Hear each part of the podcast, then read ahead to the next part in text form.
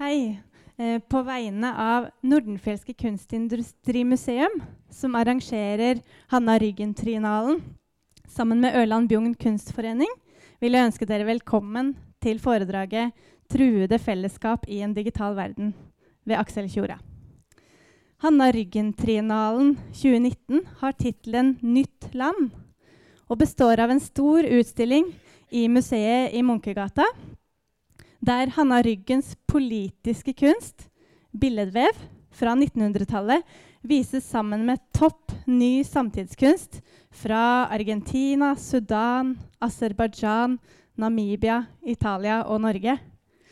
Utstillingens andre del er på Ørlandet, der Hanna Ryggen levde og arbeidet. I tillegg samarbeider vi altså med Litteraturhuset om et foredragsprogram i tilknytning til triennalens tema Nytt land. Og det er med stor glede at Tjoras foredrag om fellesskap står på programmet i kveld. Det inngår jo også i serien 'Hva er da et menneske?', som straks vil bli introdus introdusert for dere.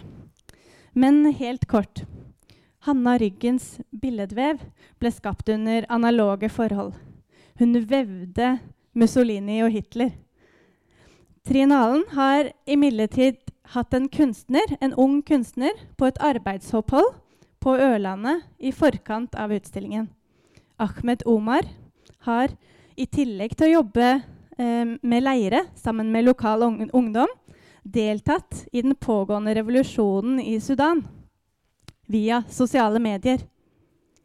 Fra Hanna Ryggens hjemsted har han vært en del av fellesskapet og demonstrasjonene et helt annet sted i verden sitt eget tidligere hjemland.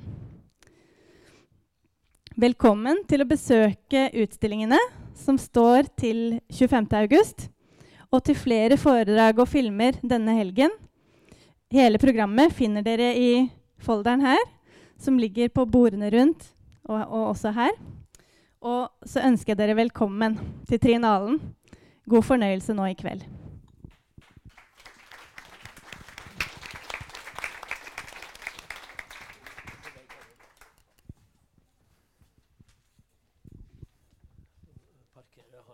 Egentlig videre.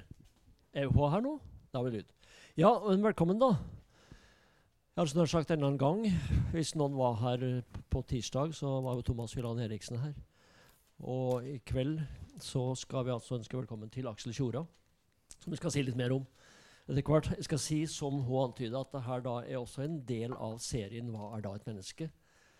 Og om den er det å si at den for så vidt kanskje etter hvert går litt mot slutten. Men eh, 7.6 så kommer Jan Grue og Arne Johan Vetlesen i samtale om den siste boka til Jan Grue. Hva Nei, unnskyld. Det var en gang et menneske. Og det handler altså om alle disse forestillingene om hva mennesket kan og, og bør og ikke minst kan bli til osv. Så, videre. så det er store tema. I, til høsten så kommer det en del ting, bl.a. en et slags sammenfattende samtale med Dag Solstad om hans forfatterskap. Det jo var da et menneske. Men altså Aksel Tjora Jeg har så nær sagt sjaman eh, Aksel. Gift med en prinsesse Nei da. Ja, da, nei da. Mange, vi kan ta mange paralleller der. Vi har jo sjaman Durex. Og hvis, hvis det er sjaman Durex, så må vel han være sjaman Black Jack. Ja, det var ikke Ja vel. Nei, vi får la eh, Det blir, det blir morsomt, det her. Det, det, i det hele tatt. Ja, ja. Da fortsett. Ja, da. Nei, men Aksel Fjorda han er altså, ifølge mine papirer her, da, så er han for alle kjent som professor i sosiologi ved NTNU. Og det her har han sagt sjøl, altså, så det må jo være noe i det. Hans forskning er rettet mot randsonene mellom kunnskap og ansvar, mellom privat og offentlig mellom syk og frisk, mellom fellesskap og ensomhet, mellom kreativitet og teknologi. Han driver da også denne sosiologisk poliklinikk, som, som, er en nyskapning, og som driver med både kreativt og, og utadrettet arbeid. Han uh, er også musiker. Du har, det skulle du gjerne ha hørt. Altså. Han er perskursjonist. Det er trommeslager, da. Altså. Og sjaman, altså. Sist uh, på Pøbelrock lørdagen som var, på Uffa. Du, det her må vi skru om. Så gikk glipp av noen punkkonserter der. vi nærmer oss et konsept her, altså, her nå. Ja. Han har skrevet masse bøker med f.eks. en tittel som allerede sier noe om forfatteren, tror jeg. 'Festival mellom rølp, kultur og næring'. Ei bok 'Kafé Society' og 'Hva er fellesskap?' fra 2018. Og 'Bysamfunn' eh, nå eh, sist med Ida Marie Henriksen. Som kommer i høst. Først i høst. Den kommer i august, tror jeg. Ja vel. Ja, vel. Ja, han er jo også kjent for å være en frittalende mann, altså. Og jeg tror vi skal takke han har sagt, Vår Herre for at vi har noen av dem. I, i eh, forbindelse med diverse debatter. Han har bl.a. engasjert seg i, i, i noe strukturelle og fusjonsdebatten og litt forskjellig sånt. Det skal man jo takke universitetsledelsen for, at noen må uttale seg høyt. Men uh, kan godt ja, ja, ja, ja, ja. Han skal i kveld snakke ikke om det som sto på plakaten på gangen. Og hør på den her, da. Der sto det nemlig 'truende fellesskap'. Og kanskje kan det være en slags uh, slip of the tongue her. Ja, Vi kan komme inn på Vi det. kan komme inn på det. Men du skal altså snakke om truede fellesskap i den digitale tidsalder. Vær så god. Ja, tusen takk.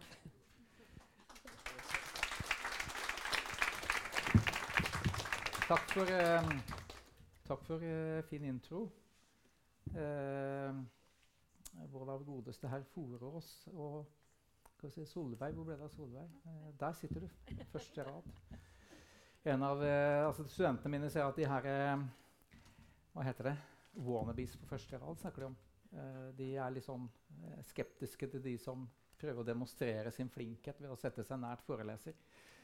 Jeg syns jo det er helt rimelig at man som student i et eget valgt studium faktisk har lyst til å få med seg mest mulig. Men det er noe så.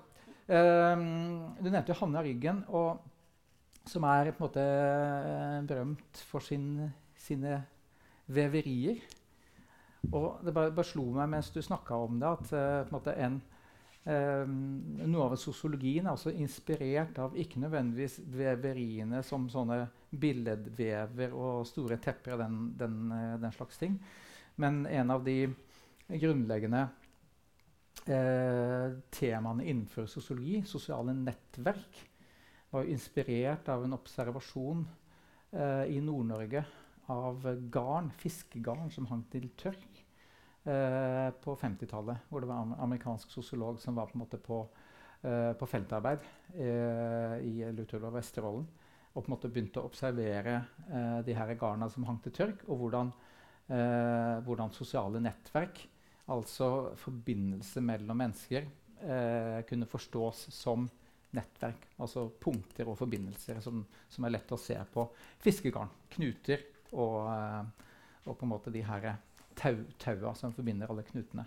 Så det bare slo meg når du snakka om det, at det er noen sånne ganske sånne interessante forbindelser hvis man på en måte tar seg råd og tid til den refleksjonen. Eh, og det er vel kanskje litt sånn agendaen her på denne eh, veldig fine debattserien. At man tar seg tid og råd til den refleksjonen. Hva er da et menneske? er jo et, et type spørsmål som kan eh, eh, på en måte lede en i så mange ulike retninger. Jeg kom rett fra en, eh, et sånn instituttseminar som vi har hatt i dag. og Da ble vi sittende og fleipe litt over det spørsmålet egentlig. Hva, hva, er da et menneske? Jo, man kan ta av seg klærne. ok, Det her kan være et eksempel på et menneske. Eksempel. Men jeg tenkte jeg skulle gjøre det litt mer sånn eh, litt mer i, i sånn tenkende baner enn akkurat det. Og ta tak i eh, spørsmålet som er knytta til fellesskap. Eh, og da var det jo det altså truede fellesskap som var på en måte tittelen. Men vi kan komme inn på truende fellesskap også. Eh, men også det at vi er i en, eh, i en type overgang mot et, eh, et, samfunn som er veldig mye prega av digital kommunikasjon, og hvor en del av de fellesskapene man, som man kan eh, delta i, er knytta til eh, den digitale kommunikasjonen. Hva betyr det? Jo, det betyr, hvis man skal si det litt enkelt, at man kan føre, føle tilhørighet. Altså fellesskap, tilhørighet er på en måte liksom to, to ulike begreper som er knytta til det samme. Man kan føle tilhørighet ved en del digi eh, digital kommunikasjon. Flytt meg litt lenger bak, sånn at jeg ikke får noe feed i lyden der. Eh, sånn at de sosiale mediene Det er en grunn til at de har måte, fått navnet sosiale medier. Det kan man jo diskutere om de sosiale mediene er sosiale eller asosiale. Men uansett, sosiale mediene handler jo da om at okay, det er et aspekt ved tilhørighet, fellesskap, deltakelse knytta til det digitale domenet. Som vi kjenner eh, Facebook. Er det noen her som er på Facebook? Nei, ingen? Eh, ok, Jeg er på Facebook, så den eneste her, da, tydeligvis. Eller jeg rekker opp en hånd, da. Er det noen som er på Facebook? Ok, noen er på Facebook. Faktisk så er det vel omtrent tre fjerdedeler av Norge, Norges befolkning som er på Facebook. Og Norge er vel det landet i verden hvor størst andel av befolkningen er på Facebook. Norge er det landet i verden som er lengst kommet når det gjelder eh, digitale fellesskap, om man skal si det. Bruk av sosiale medier. Ikke minst eh, en statlig sektor som er veldig langt kommet. Altinn altså den digitale, statlige tjenesten, er et eksempel som alle andre land sikrer på, fordi at man har på en måte greid å få til en helt vanvittig tjenesteyting ved at uh, folk har en personlig kodebrikke eller en eller annen innloggingsmulighet og kan få tilgang til eh, ganske mange tjenester. Bank, skatt osv. osv. Så det er et, eh, på en måte et domene der eh, som selvfølgelig handler om tjenester, det skal vi legge litt til side akkurat nå, men som eh, også handler om eh, tilhørighet, deltakelse, det som vi på en måte kaller fellesskap.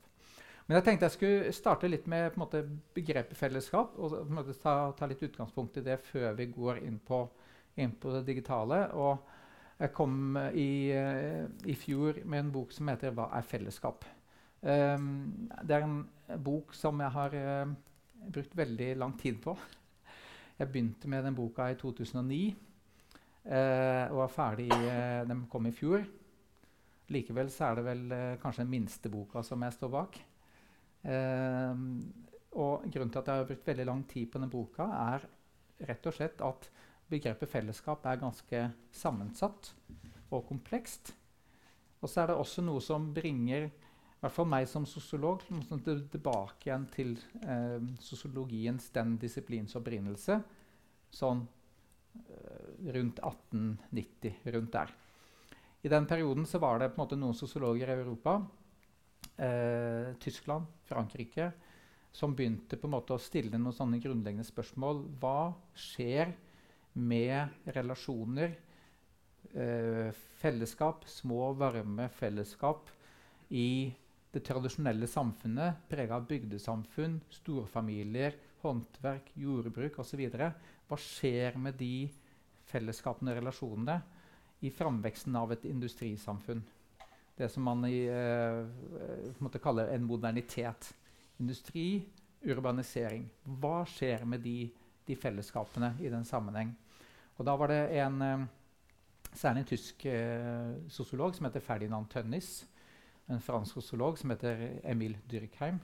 De hadde på hver sine områder eh, litt sånn ulike betraktninger rundt det her. Eh, Ferdinand Tønnis eh, kom med begrepene Gemeinschaft, Gesellschaft, som kanskje noen av dere kjenner til. Hvor Gemeinschaft er tanken om det her lille, varme samfunnet. Eh, hvor på en måte familien eller storfamilien, slektskapet, er på en måte prototypen på Gemeinschaft. Hvor man er født inn i relasjonene, og hvor det er en, en måte, sånn umiddelbar omsorg knytta til de relasjonene man er født inn i. Mens Gesellschaft på den andre sida er mer tanken om de forretningsmessige i forbindelse. Så det kan være kollegia, altså kollegiale relasjoner på en arbeidsplass. Eh, de her er relasjoner knytta til forretningsforhold, at du er kunde til en, en eller annen virksomhet osv. Um, sånn at de, de, kommer fra litt ulike steder.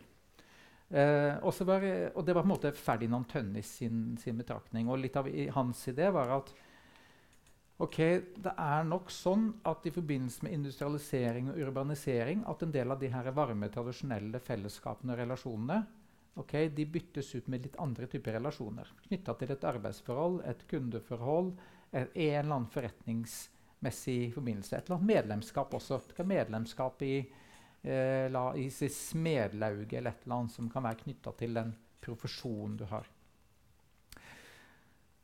Franske Emil Dyrkheim tenkte litt annerledes. Han tenkte at er ikke egentlig ty tyske Tønnes en litt sånn romantiker som vil liksom tilbake til det tradisjonelle samfunnet? Og han prøvde på en måte å kritisere Tønnes med de begrepene. Og prøvde å lage en sånn motsatt vri på det. Og pekte på at okay, de tradisjonelle fellesskapene her er det Dyrkheim da kalte mekanisk solidaritet.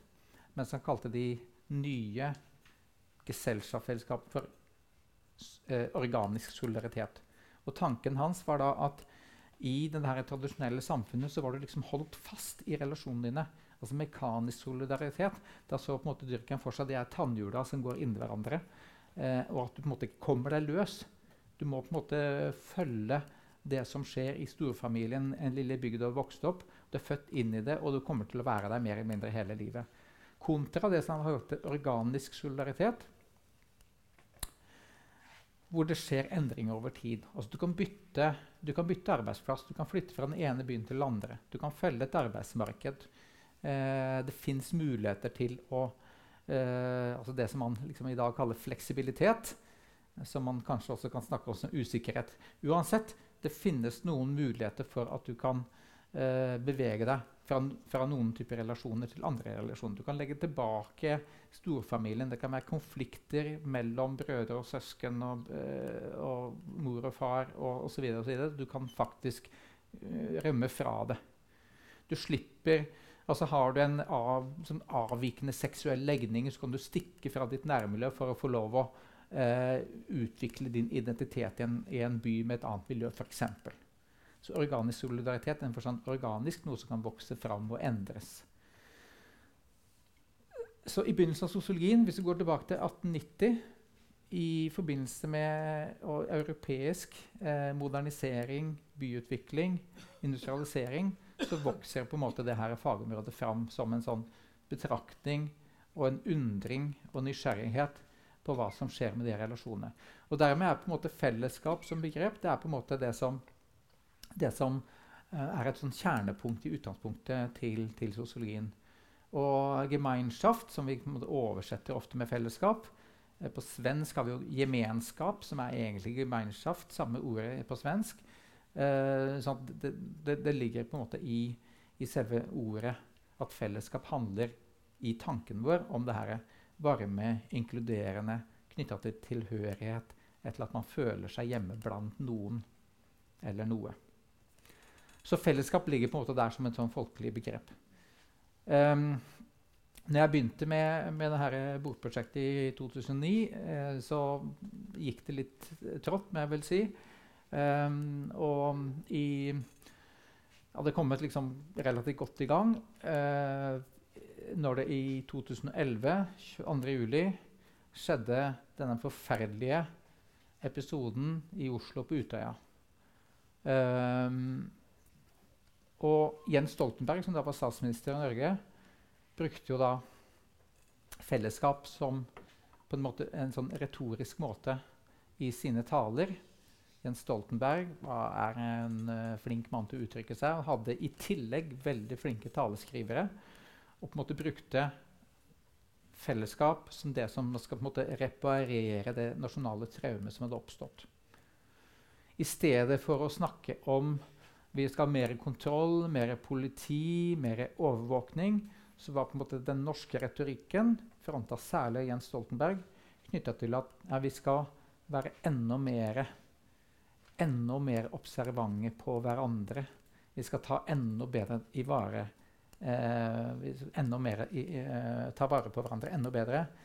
Vi skal sørge for at ingen sklir ut og risikerer å falle såpass mye ut av det varme, inkluderende samfunnet lokalt eller på andre måter, at man ender opp med å gå til den type aksjoner. Det var på en måte en, måte å tenke eh, og forebygge det her, det her, på. Og det at det på en måte terroristen her var en av våre egne, var det som på en måte i ekstra, i ekstra stor forstand eh, pekte i retning av at her er det vi som samfunn som har ansvaret for å sørge for at det her ikke kan skje.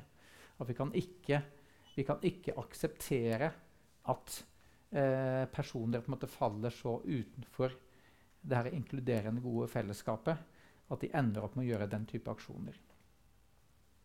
Og den retorikken til, eh, til Jens Stoltenberg som jeg tenker var virksom Det var virksom, det skapte veldig engasjement. Rosetog med vanvittig mange deltakere rundt omkring. Vi har et monument i, eh, i Trondheim her, like nedi her. Eh, og mange, mange, steder i landet. Så du kan si at på måte, reaksjonen på det her har vært betydelig, i den forstand at vi vet at det her, her det kan vi ikke akseptere. Vi må sørge for at vi har et samfunn som forebygger det som samfunn. Som fellesskap. Som relasjoner. Vi må sørge for at vi får det til. Og så kan man spørre, og det har vært gjort litt forskning på det, virker det her over tid? Nja, nei. Retorikken varer en stund, men så måtte feide det litt ut. Men jeg, når jeg satt og jobba med det her bokprosjektet i, i, den perioden, så tenkte jeg at oh, herregud, nå må, jeg, nå må, jeg, bare skjerpe meg og liksom få, uh, få, i gang det her. For det her er en sånn Her bør man som samfunnsvitere og, og måtte komme opp med noe, uh, med noe som bare liksom underbygger eh, denne ideen, sånn at det ikke er bare en retorisk idé, men noe som man kan snakke om litt faglig, i en litt mer faglig forstand.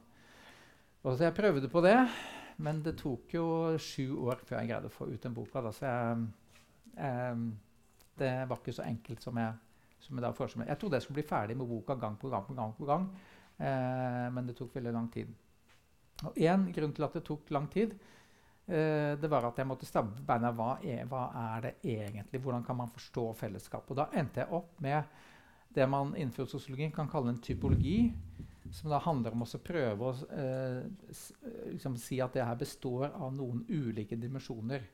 Og de dimensjonene som jeg da endte opp med å måte, si at ja, det her er fellesskap, det er det vi kan kalle solidaritet eller samhold. Det er integrasjon. Det er interaksjon.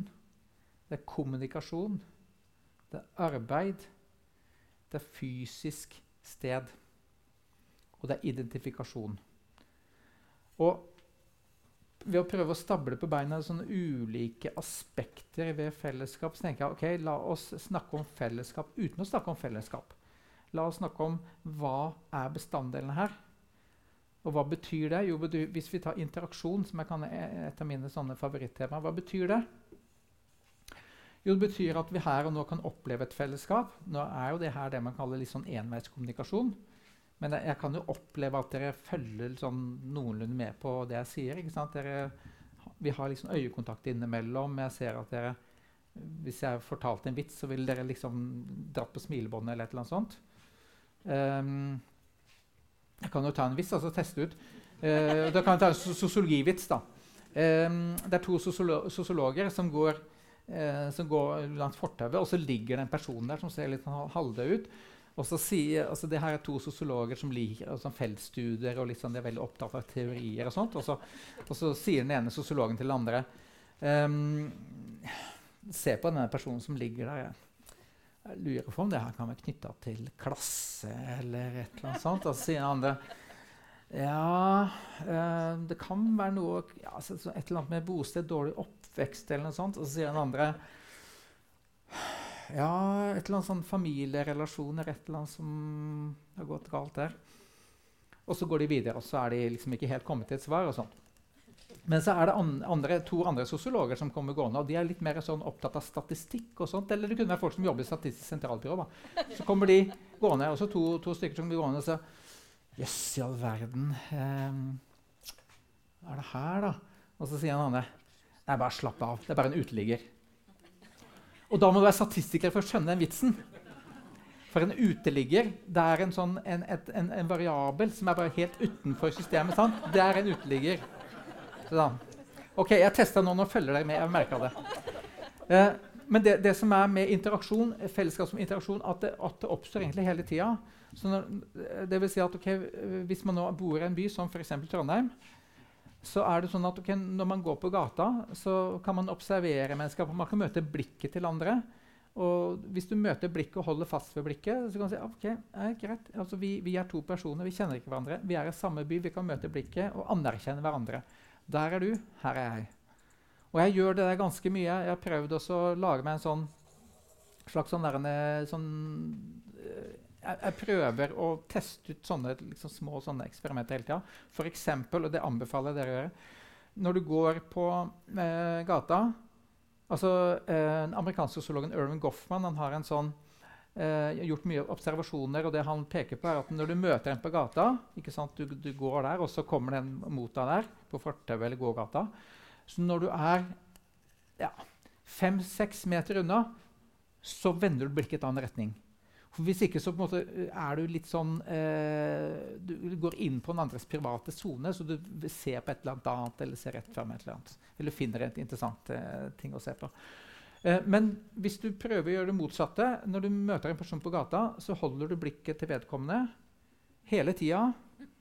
Og det er en viss sjanse for at når du ikke viker unna, så kan det hende at en andre person heller ikke viker unna. Så ser dere på hverandre helt til dere kommer ganske nært. Og ganske ofte det som skjer, det er at man smiler til hverandre. Det er det mest umiddelbare å, å gjøre. Smiler til hverandre. Anerkjenner at OK, der er du, her er jeg. Og det der, jeg har holdt på med det i mange mange år nå. Eh, og det er veldig veldig OK å gjøre. Så hva handler det om? Det handler egentlig om bare å anerkjenne altså hverandres tilstedeværelse i la oss si helt sånn lokalt i, i, i byen. Og vi er jo rutinemennesker, de fleste av oss. Hva betyr det? Jo, det betyr at vi går altså sånn, Hvis man er i jobb og studier og sånt, at man, vi går stort sett de samme stedene hver dag. Så, så, hvis vi er så heldige at vi kan gå, gå til jobben, eventuelt sykle, så har vi den muligheten. Ja, vi møter de samme hver dag, omtrent samme tidspunkt på omtrent samme sted, som har den eh, liksom, eh, motsatte veien til sitt arbeidssted, f.eks. Og på et, på et eller annet tidspunkt etter noen ganger så må vi bare nikke og smile. fordi at man, okay, man kjenner hverandre, men man kjenner hverandres rutiner såpass. og sier, ok, ja, men vi, vi, er der. Så vet vi og det, er Anthony Giddens, en av de britiske sosiologene som fortsatt uh, holder det gående, selv om han begynner med gammel mann, han har det begrepet ontologisk sikkerhet, som handler litt om en sånn eksistensiell trygghet. Som handler om at ja, det som vi, livet i dag er også sånn omtrent eh, der i morgen. Og det betyr at når vi møter denne personen hver eneste gang på fortauet omtrent der i Kjøpmannsgata så, så sier ja, vi, vi, vi, møttes i dag. Vi nikka bare sånn, litt sånn diskré.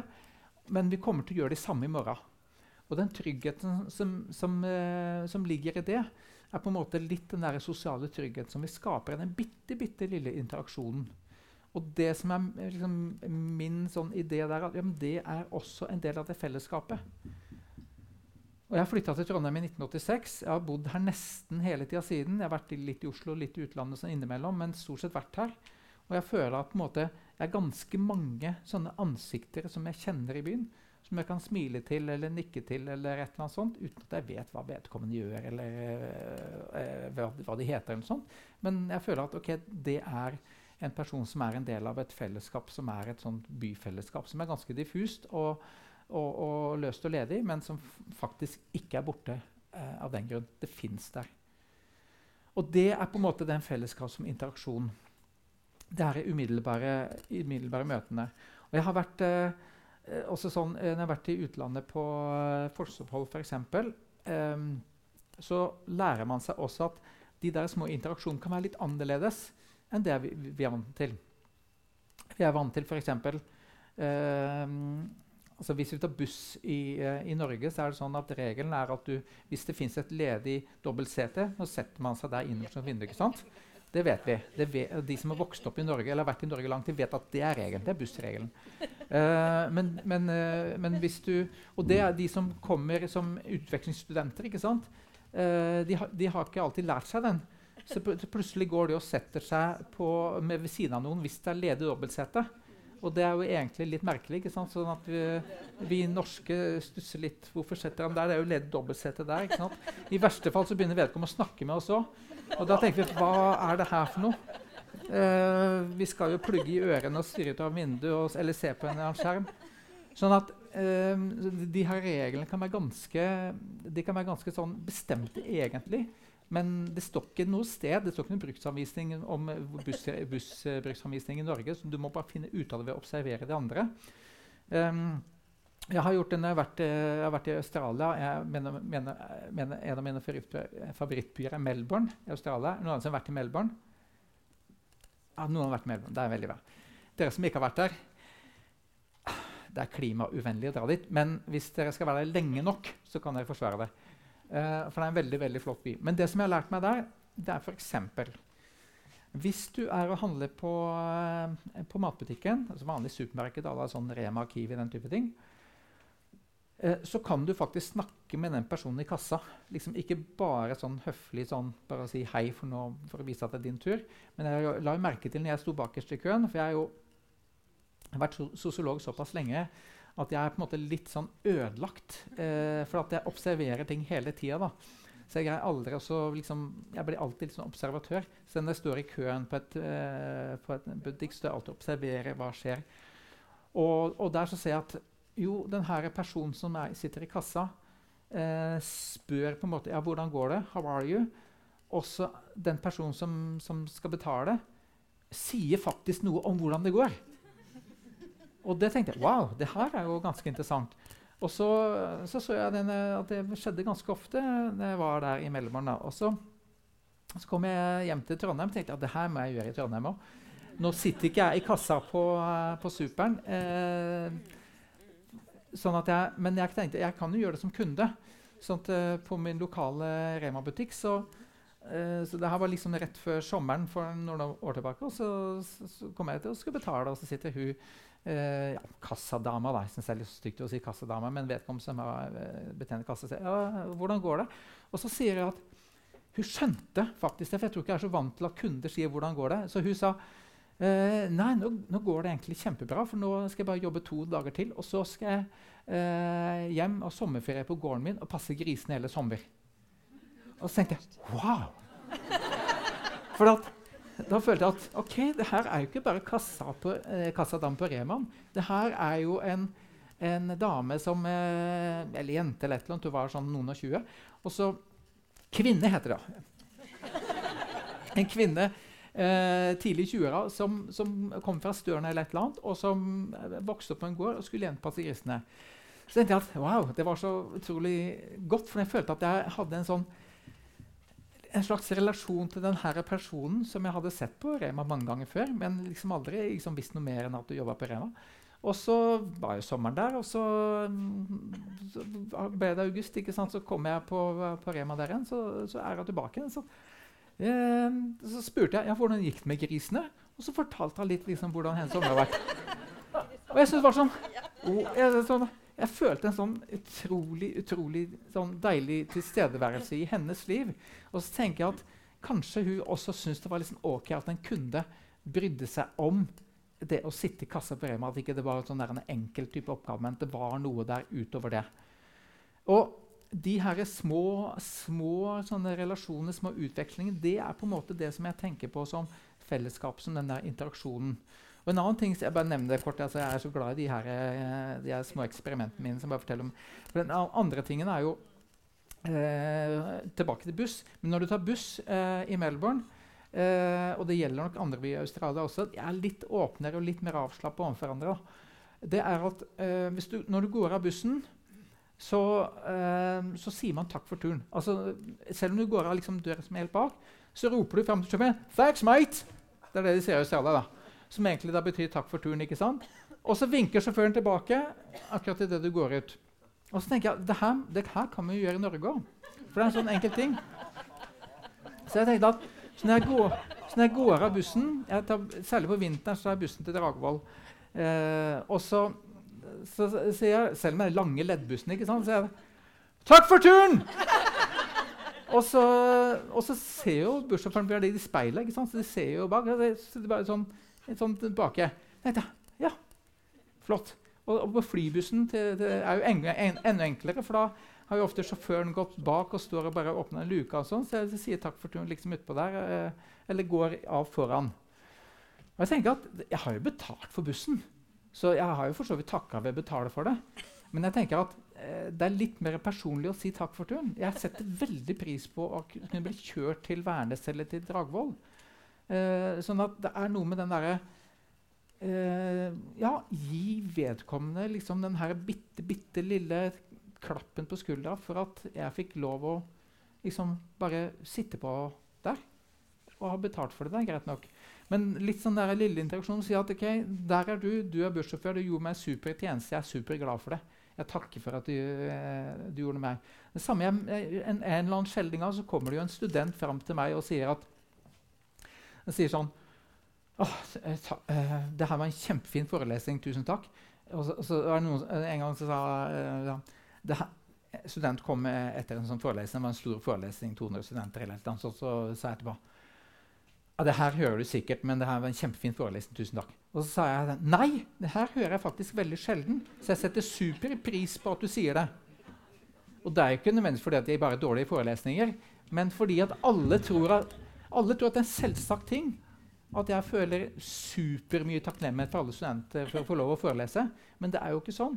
Det er sånn at Den, den bitte lille tingen der gjør at man føler at man har gjort en god jobb, og på en måte bare liksom møtt den ene studenten som faktisk satte pris på en forelesning. en av 200. Det er bedre enn null av 200. Og satte pris på og, og, anerkjente det at det her var en forelesning som kanskje var bedre enn gjennomsnittet. da. Det kan man jo håpe. Og det, og der, og det der lille, der eh, Man kan godt snakke om, om, om at det er knytta til en eller annen type takknemlighet eller anerkjennelse. Men jeg tenker at det, det handler om den bitte lille interaksjonen som fellesskap består av. At man bare måtte uh, si at okay, uh, du er en person som hadde en bitte, bitte liten betydning i mitt liv nå. Den siste timen uh, på forelesningen eller siste halvtime på bussen. et eller annet sånt. At, at, at fellesskapet består av sånne små ting. Så det er på en måte det fellesskapet som, som, interaksjon. Og det er sånn som Når jeg har holdt på med de her studiene, så, så går jeg på en måte rundt og observerer og prøver å for meg er på en måte liksom, mitt forskningsfelt er liksom tett rundt meg hele tida. Jeg går og prøver å finne ut ting og undersøke ting og observere ting. Uh, og på en måte, så mitt liv består av på en måte, alle de tinga rundt meg. sånn sett. Og så er det en annen, annen, et andre aspekt som jeg tenkte å nevne. Vi skal komme inn på det digitale også. Uh, det, var, det var tre timer vi skal opp, var det ikke det? Ja. Uh, så jeg må fylle opp med kaffe og snacks. og nei. Vi skal ikke holde på. Men det er det med uh, et eller annet, det andre som er knytta til identifikasjon. Jeg har vært super opptatt av å kanskje ikke snakke så mye identitet, men snakke om identifikasjon. Hvis du sammenligner de to begrepene, handler det om det samme, men identifikasjon blir litt mer der aktive, noe man forholder seg til, mens identitet, da knytter man kanskje mer til opprinnelse, altså religion, etnisitet, et eller annet som man tenker man er liksom nærmest liksom født inn i på et vis. Da. Men jeg hadde eh, sånn eh, Jeg begynte på, eh, på datalinja på NTH, derfor jeg flytta til Trondheim i 1986. Og da eh, følte jeg meg veldig veldig ensom. Jeg, det har eh, det, høsten 1986, den verste høsten i hele mitt liv. eh, jeg følte meg super ensom. Satt på sånne veldig store forelesninger. Og jeg var veldig, veldig sjenert på grensen til det sykelige uh, og sleit veldig, veldig med det. Jeg er egentlig ganske sjenert fortsatt. Jeg kan godt stå foran en forsamling, og sånt, men i sånn personlige møter og sånt, så kan jeg være ganske tilbakeholden. Men, men da var det enda verre, for det her har jeg jobba heftig med. tro meg. Men da eh, var det sånn at det gjelder å finne noen av de arenaene hvor man kan føle seg trygg selv om man syns det er skummelt å snakke med noen. Og, og da er det med identifikasjon eh, noe, som, noe som kan eh, liksom være den måten fellesskapet virker på. Og identifikasjon kan handle om, om litt sånn eh, å føle et Altså føle noe felles, føle en tilhørighet, selv om du ikke har den interaksjonen. Og jeg fant uh, den høsten noen sånne, noen sånne, steder og tider hvor det har funka. I hvert fall sted og tid blir viktig her. da. Og det var tre steder. Tre sånne tre. Det ene var bodegaen på Studentsamfunnet. Er, det noen som har vært i bodegaen på Studentsamfunnet? Ja. Og er det noen som har vært i bodegaen på Studentsamfunnet på slutten av 80-tallet? det, ja, det er, det, er, fantastisk. Eh, hva, hva, eh, hva, var det der? Jo, det var eh, Og det må være på lørdag, ikke fredag, men lørdag. På lørdag på Degan Studentsamfunnet så var det at det ble spilt en del sånn depressiv 80-tallsrock, sånn Joy Division og en del sånne ting. Eh, og alle dansa liksom sånn. var liksom der, Det var litt, litt sånn eh, kvasi-intellektuell, liksom inne i sine egne dype tanker. og Det var ikke snakk om noe pardans, og sånn, men bare liksom sånn der. Alle sto sånn på dansegulvet. Og så, og så, eh, så, så, hadde man, så var det en sånn uniformering. ikke sant? Man hadde på seg svarte Levis 501, og så var det en sånn svart band-T-skjorte. Helst med et eller annet depressivt britisk band på. Og, og, og, en sånn svart eller mørkegrå dressjakke. Helst fra 60-tallet, som var kjøpt på loppemarked. Um, og noe uh, boots, uh, Doc Martin-boots eller et eller annet sånt. Så det var litt, litt sånn halvintellektuell punkestil. Og alle hadde på en måte det. Så, og det var bodegaen eh, lørdag kveld på Samfunnet. Og så var det Filmklubben på lørdag og søndag sånn i ett-to-tida. Og så på onsdag kveld. Og det som var, Da var de samme menneskene, de som var i bodegaen på lørdag kveld. De var også på Filmklubben eh, onsdag kveld og lørdag-søndag eh, midt på dagen. Og det siste var 3B. Kaffe 3B. Ja, du visste det? Ja. Eh, og, eh, og, de som var på 3B i dag, de er jo, de er på Moskus i dag. Da. De som var på 3B da, de er flyttet, Først var det 3B, ikke sant? så flytta de seg til Kredobaren i andre etasje. Men, men så Plutselig ble Kredobaren i andre etasje altfor lys. Den skulle være svart. ikke sant? Når den ble lys, så flytta de som heter Moskus. Så det er liksom samme kohorten sant, som har flytta seg. Men det som var poenget, var at jeg kunne gå på de, de tre stedene. Eh, på Bodegaen, på Filmklubben og på 3B. Eh, uten egentlig å tørre å snakke med så mange. Men jeg så igjen en del av de samme ansiktene, så jeg kunne føle at jeg var på en måte en del av den samme stammen. Og vi var jo også uniformert med svarte 501 og den svarte T-skjorta og det der. Eh, så jeg kunne gå på de tre stedene og føle at jeg var en del av de. Jeg kjente kanskje én person av de andre som gikk i, på, filmklubben. Og, én ting er jo på en måte sted og tid og uniform. Men det andre er jo eh, en sånn performance. Du, du, lager en forestilling. For at at man lata som man skjønte de filmene på filmklubben, at man likte de, selv om man ikke skjønte bæret. Så går man ut og så forteller at ja, den, den filmen ah, den var eh, fantastisk. altså Man har ikke skjønt noen ting og, og holdt på å sovne halvveis i filmen. Men, men litt det at du man, man, gjør, man, man, gjør, en innsats, man gjør en innsats eh, for å være en del av, av, det fellesskapet. Og den innsatsen handler selvfølgelig om å ha de rette klærne. Eh, å være på de rette stedene til de rette tidspunktene og det å forsøke å like filmene på filmklubben. Og filmklubbfilmer er jo eh, på en måte litt sånn smalere filmer eh, som, som, kanskje har en dypere mening. I fall, uansett om den har det, så later man som at den har en dyp mening, og at man skjønner den. For det er på en måte det man legger inn. Og det handler jo litt om Det er bare et, et, et, et eksempel. Det fins ganske mange eksempler på det her. At man, man gjør en innsats for å liksom, få den tilhørigheten til en eller annen og Det, som, det er en sånn fransk eh, sosiolog som heter Michel Maffesoli. Han har skrevet om det han kaller nystammer. Og det her er et eksempel på nystamme. Og det som er liksom poenget, hvis, bort, hvis, man tenker nå, ser vi bort fra interaksjon, tenker på identifikasjon. Man kan gå, forsøke å gå inn i den type nystamme ved å finne ut av hvilke steder og tider skal man være på. Hvordan skal man kle seg? Hva skal man like og ikke like? Og det like den her Joy Division, depressive 80-tallsmusikken, det å like de her svart-hvitt filmklubbfilmene Det å, å, å, uttrykke det, enten ved å snakke om filmene etterpå, og late som man har skjønt de, eller ved å danse med rette måten i bodegaen. Så på en måte, så, så, så måte, gjør man en innsats for å følge tilhørighet. Og det som er det viktige her, det er jo at hvis jeg føler at ja, jeg veit sjøl at jeg måte ikke helt skjønner de filmene. Og at er ikke alle de her 80-tallsbanda som jeg liker så godt. Eh, og det er ikke så mange av de andre jeg kjenner heller. Ok, jeg vet alt det, men jeg gjør en innsats for å late som at det ikke er, er tilfellet. Og så vil de andre også tenke det samme. Iallfall en del av det. ikke sant? Nå var jeg, eh, altså, Erlend Lo var jo en del av den andre filmklubben. og Han er jo blitt sånn uh, su superlitteraturmenneske og filmmenneske, så han tenker jeg skjønte sikkert de filmene.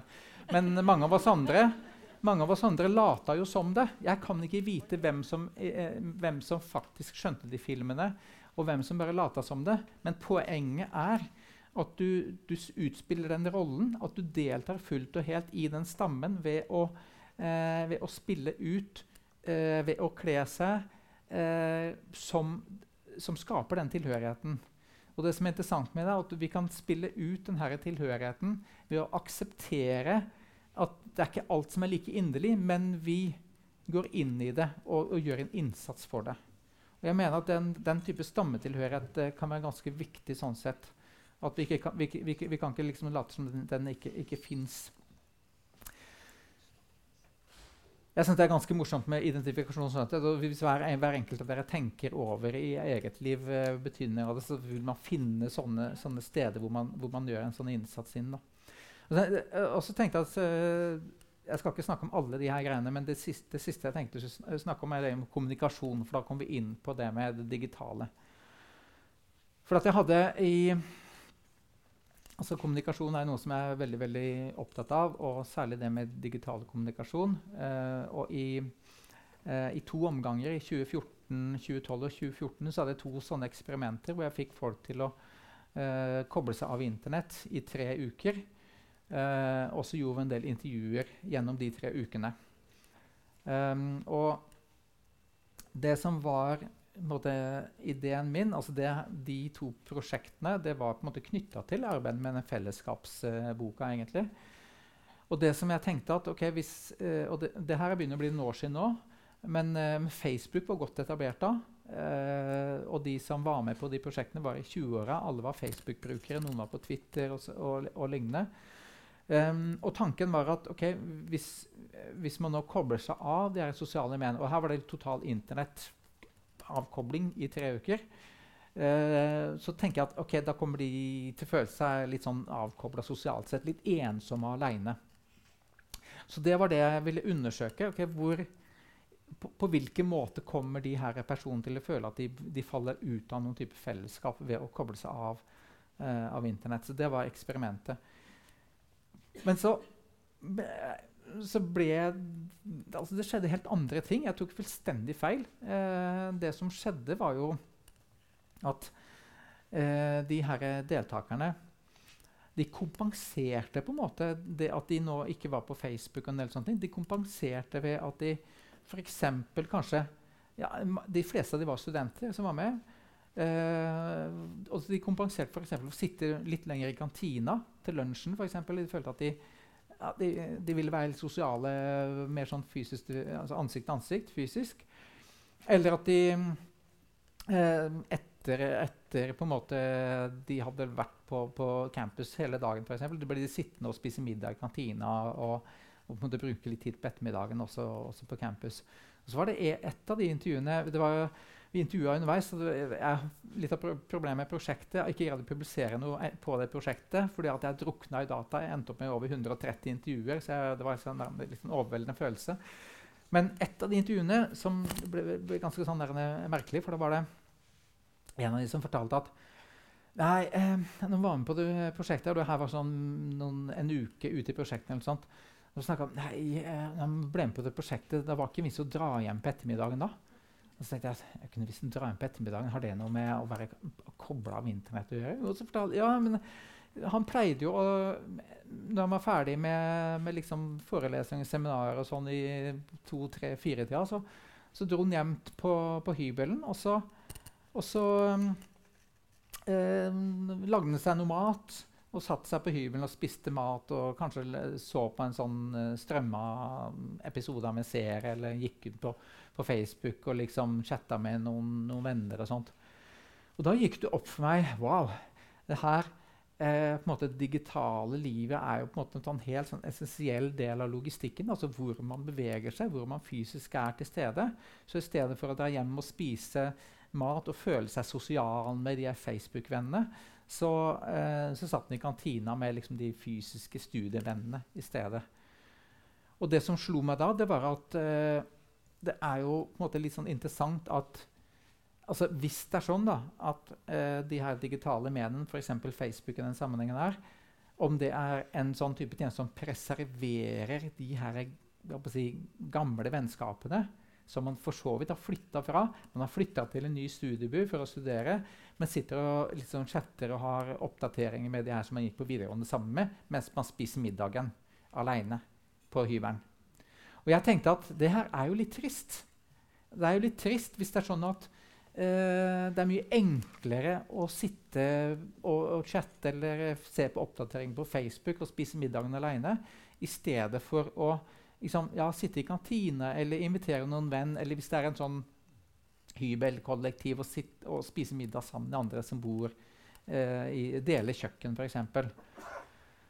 Og det som, eh, det, som, det som, slo meg ene, til, ene, ene sida, er, er, at det er liksom trist, tenker jeg. Men den andre sida er jo at ok, hvis det er sånn at, hvis det er sånn at de her, den derre digitale la oss si, opplevelsen av fellesskap basert på det digitale, altså som f.eks.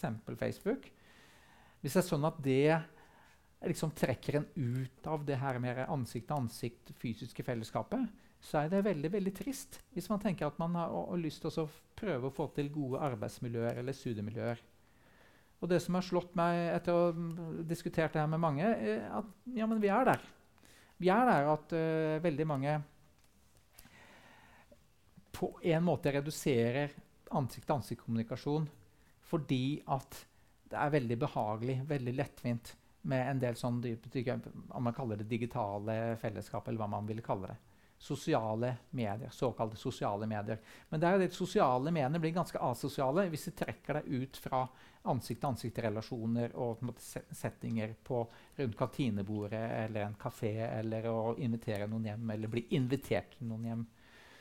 Og det Jeg har eh, de to eldste barna mine som eh, Eller ta nummer to. Da. Jeg har fire barn. De er 20, 23, 20, 10 og 7. Og eh, han, altså Vetle, som er 20, som studerer matematikk i Lund, Sverige Jeg merker jo på han når jeg har besøkt han, at jeg prøver å undersøke hva slags sosialt liv har han, fordi jeg, jeg, jeg er genuint bekymra. Uh, jeg er ikke bekymra for han, han greier seg. Uh, men jeg merker jo når jeg spør han liksom, når jeg ringer til uh, så er han alltid hjemme når jeg ringer til. Og det tenker jeg. Herregud. hvis han er hjemme hver eneste gang jeg ringer til ikke så ofte jeg ringer til, men kanskje en gang i uka eller sånn, da, At han alltid er hjemme da, det, det syns jeg ikke er bra. Det er, vil, det er litt bedre hvis han er, sitter ute på en pub og er litt full sammen med kompiser. Det er hakket bedre, faktisk. Um, Eh, fordi det er noe med eh, Det er litt for lettvint ikke sant, å bli sittende hjemme og holde på med sosiale medier. Hvis man har flytta sånn som man, eh, dratt til eh, et annet land, Sverige, helt fremmed land, eh, og studerer i en liksom fremmed by så Det er jo helt fremmed og helt sånn for han. da. Jeg syns det var ille nok å dra til, til Trondheim for Eidsvoll. Ja, det er klart For han å dra til Trondheim til Lund må jo være vel så gærent. da. Um, selv om mange, mange, av svenskene skjønner sånn, uh, sånn trønder. Han er så fintrønder at uh, det går greit. Men det er, det er noe med, med, den min bekymring for at man ikke, uh, for at man ikke på en måte liksom har den derre jeg vil ikke si at jeg hadde så sinnssykt mye guts når jeg liksom hang på, på de stedene. Jeg snakka ikke med så mange, da, men jeg hadde i hvert fall liksom motivasjon og, altså nok til å liksom, få på meg de rette klærne og dra på de rette stedene. Um, Riktignok uh, uten å snakke med så mange, og riktignok før Facebook fantes. Så jeg ser at det er noen sånne andre strukturelle ting der. Men det er litt der også at du, du faktisk presses litt ut i et litt sånn skummelt terreng og må forholde seg til det. da. Uh, som jeg tenker er litt sånn viktig der. Og jeg oppdaga jo også på det samme, samme prosjektet som jeg hadde med de som koblet seg av Internett, noe av det, det mest besnærende med prosjektet det var at de opplevde at de fikk så vanvittig mye tid. Det var helt sykt. Og de, de, de deltakerne skjønte jo ikke hvor den tida kom fra. Og en av de, de deltakerne på det første prosjektet i 2012 hun sa hun hadde lest fire romaner i løpet av de tre ukene. Og hun hadde ikke lest en eneste skjønnlitterær bok etter videregående. Og det, det, det, sier oss noe at eh, her er det noe som tar veldig mye av vår tid. Og det her var i 2012. I dag er det ganske mye verre for de aller, aller fleste. Eh, etter det prosjektet i 2012 for da hadde jeg en sånn iPhone. Da kvitta jeg med iPhone og så kjøpte meg en gammel Nokia knappetelefon. Fordi jeg skjønte at uh, jeg også var egentlig ødelagt av å, å, være på smarttelefon. Jeg har fortsatt sånn knappetelefon. Jeg har samme Nokia-telefon nå. Um, det gjør at jeg er liksom litt utenfor app-verden. Men det gjør at jeg har litt bedre tid. Og jeg har en del sånne studenter sånn, som spør meg hvordan, hvordan i verden får jeg tid til alle de tingene jeg holder på med. Og det, jeg har ikke noe gode svar på det, men etter hvert så begynner det å demre litt. Hvorfor? For at jeg har ikke en smarttelefon. Jeg har en, en ganske dum telefon.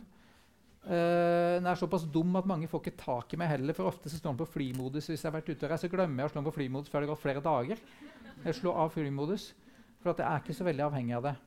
Uh, jeg er veldig avhengig av uh, laptopen min, men når jeg sitter på laptopen, så er jeg på jobb.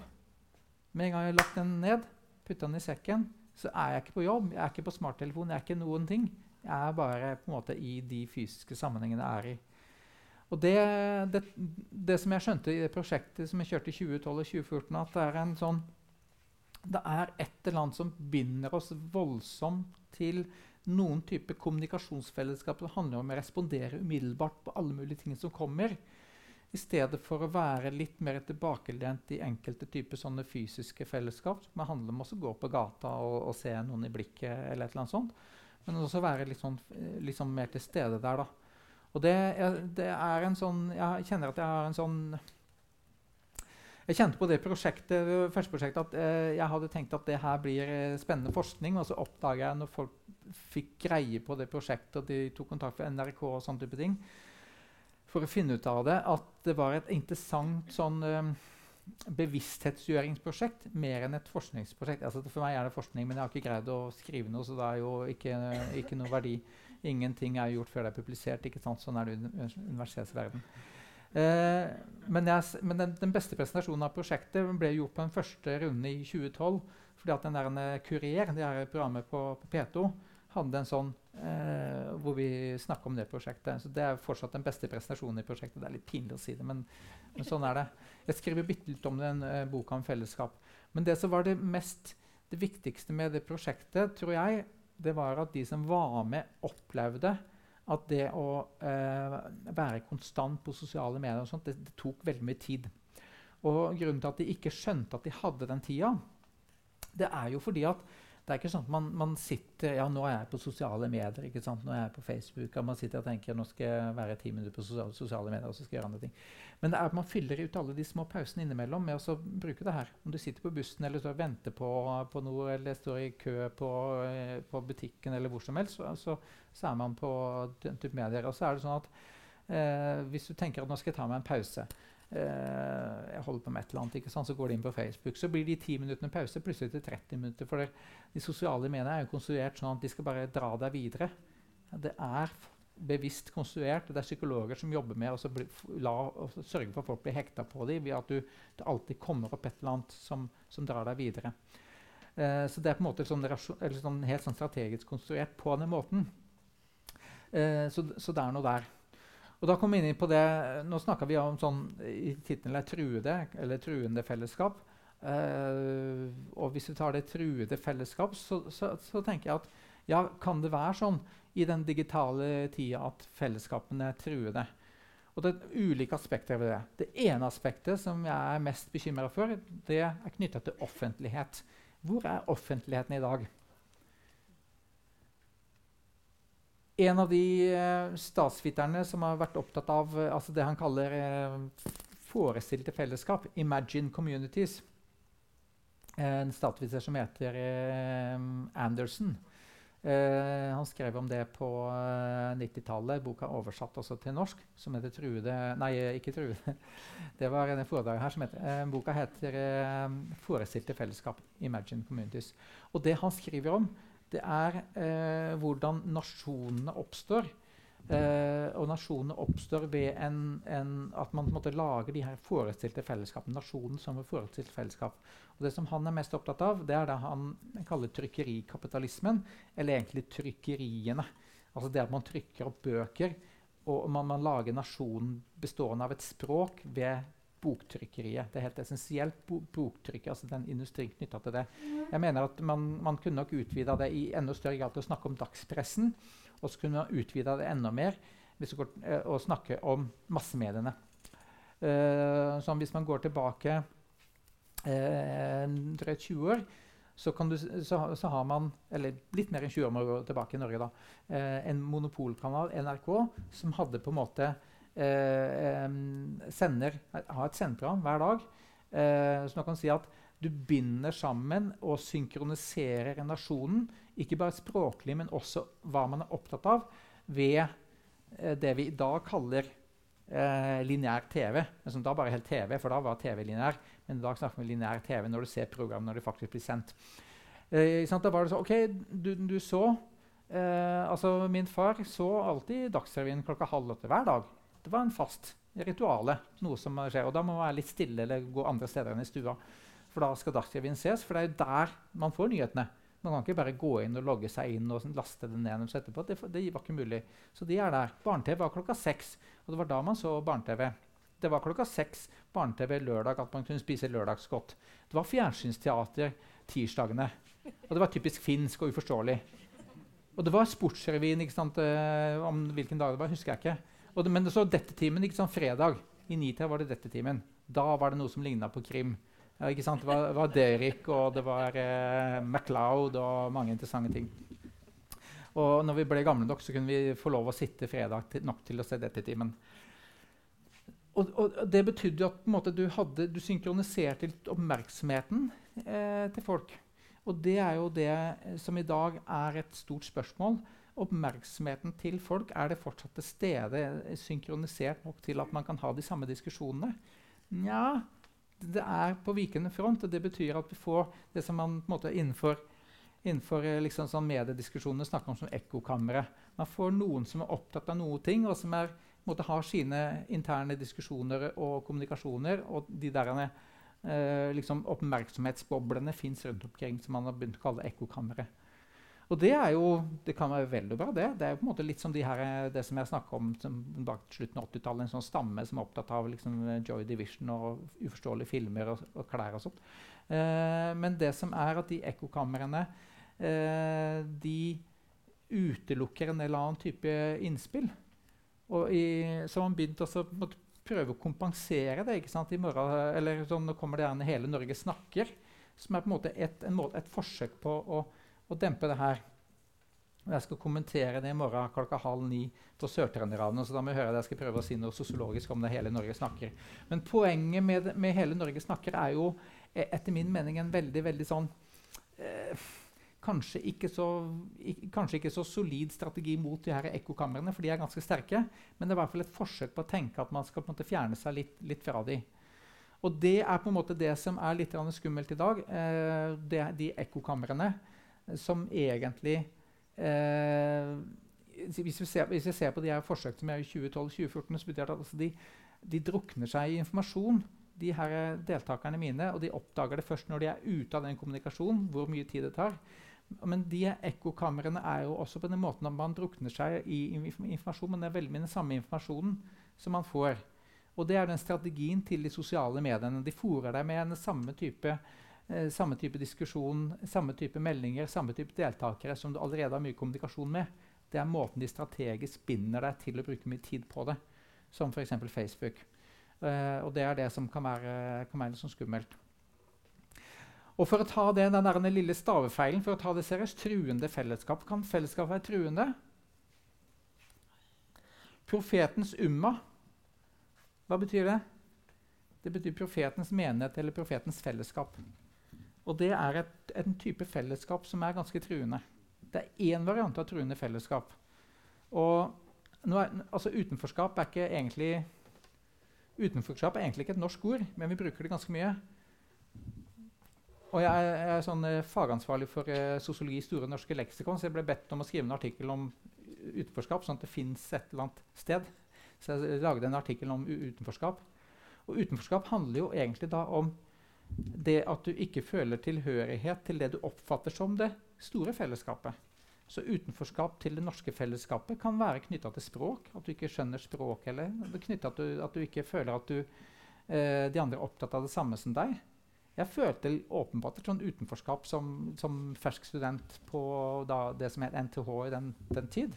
Jeg følte at jeg liksom ikke greide helt å bli inkludert i, i, i, de, i det som jeg oppfatta som store fellesskap. Men jeg tror nok at veldig mange følte samme utenforskapet. Men føler du deg utenfor, så tror du at alle andre er innenfor. Men det som er sånn skummelt med utenforskapene, er at utenforskapene de, eh, de som føler seg utenfor, kan også av og til finne sammen.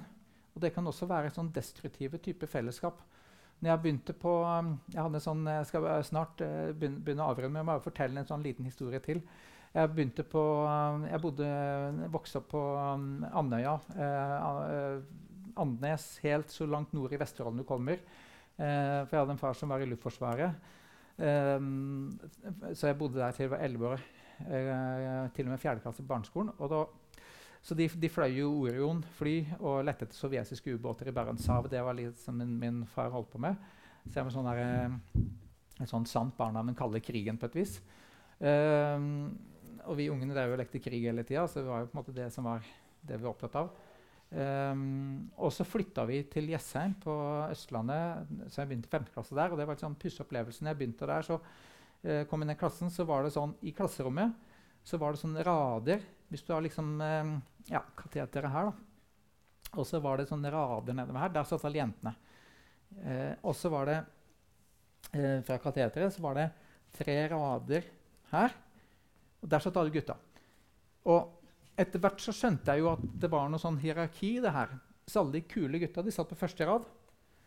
Og det å være kul det betyr å være flink i fotball. Det, det er sånn der. Når man er gutt, når man er gutt i 5. klasse, så er det å være kul å være flink i fotball.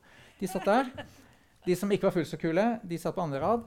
Og de som var definitivt ikke kule, de satt på, på redda. Det skjønte jeg. Og på, det var, på tredje var det ledig plass. Eh, så der kunne man, som ny i klassen så kom man inn der. da.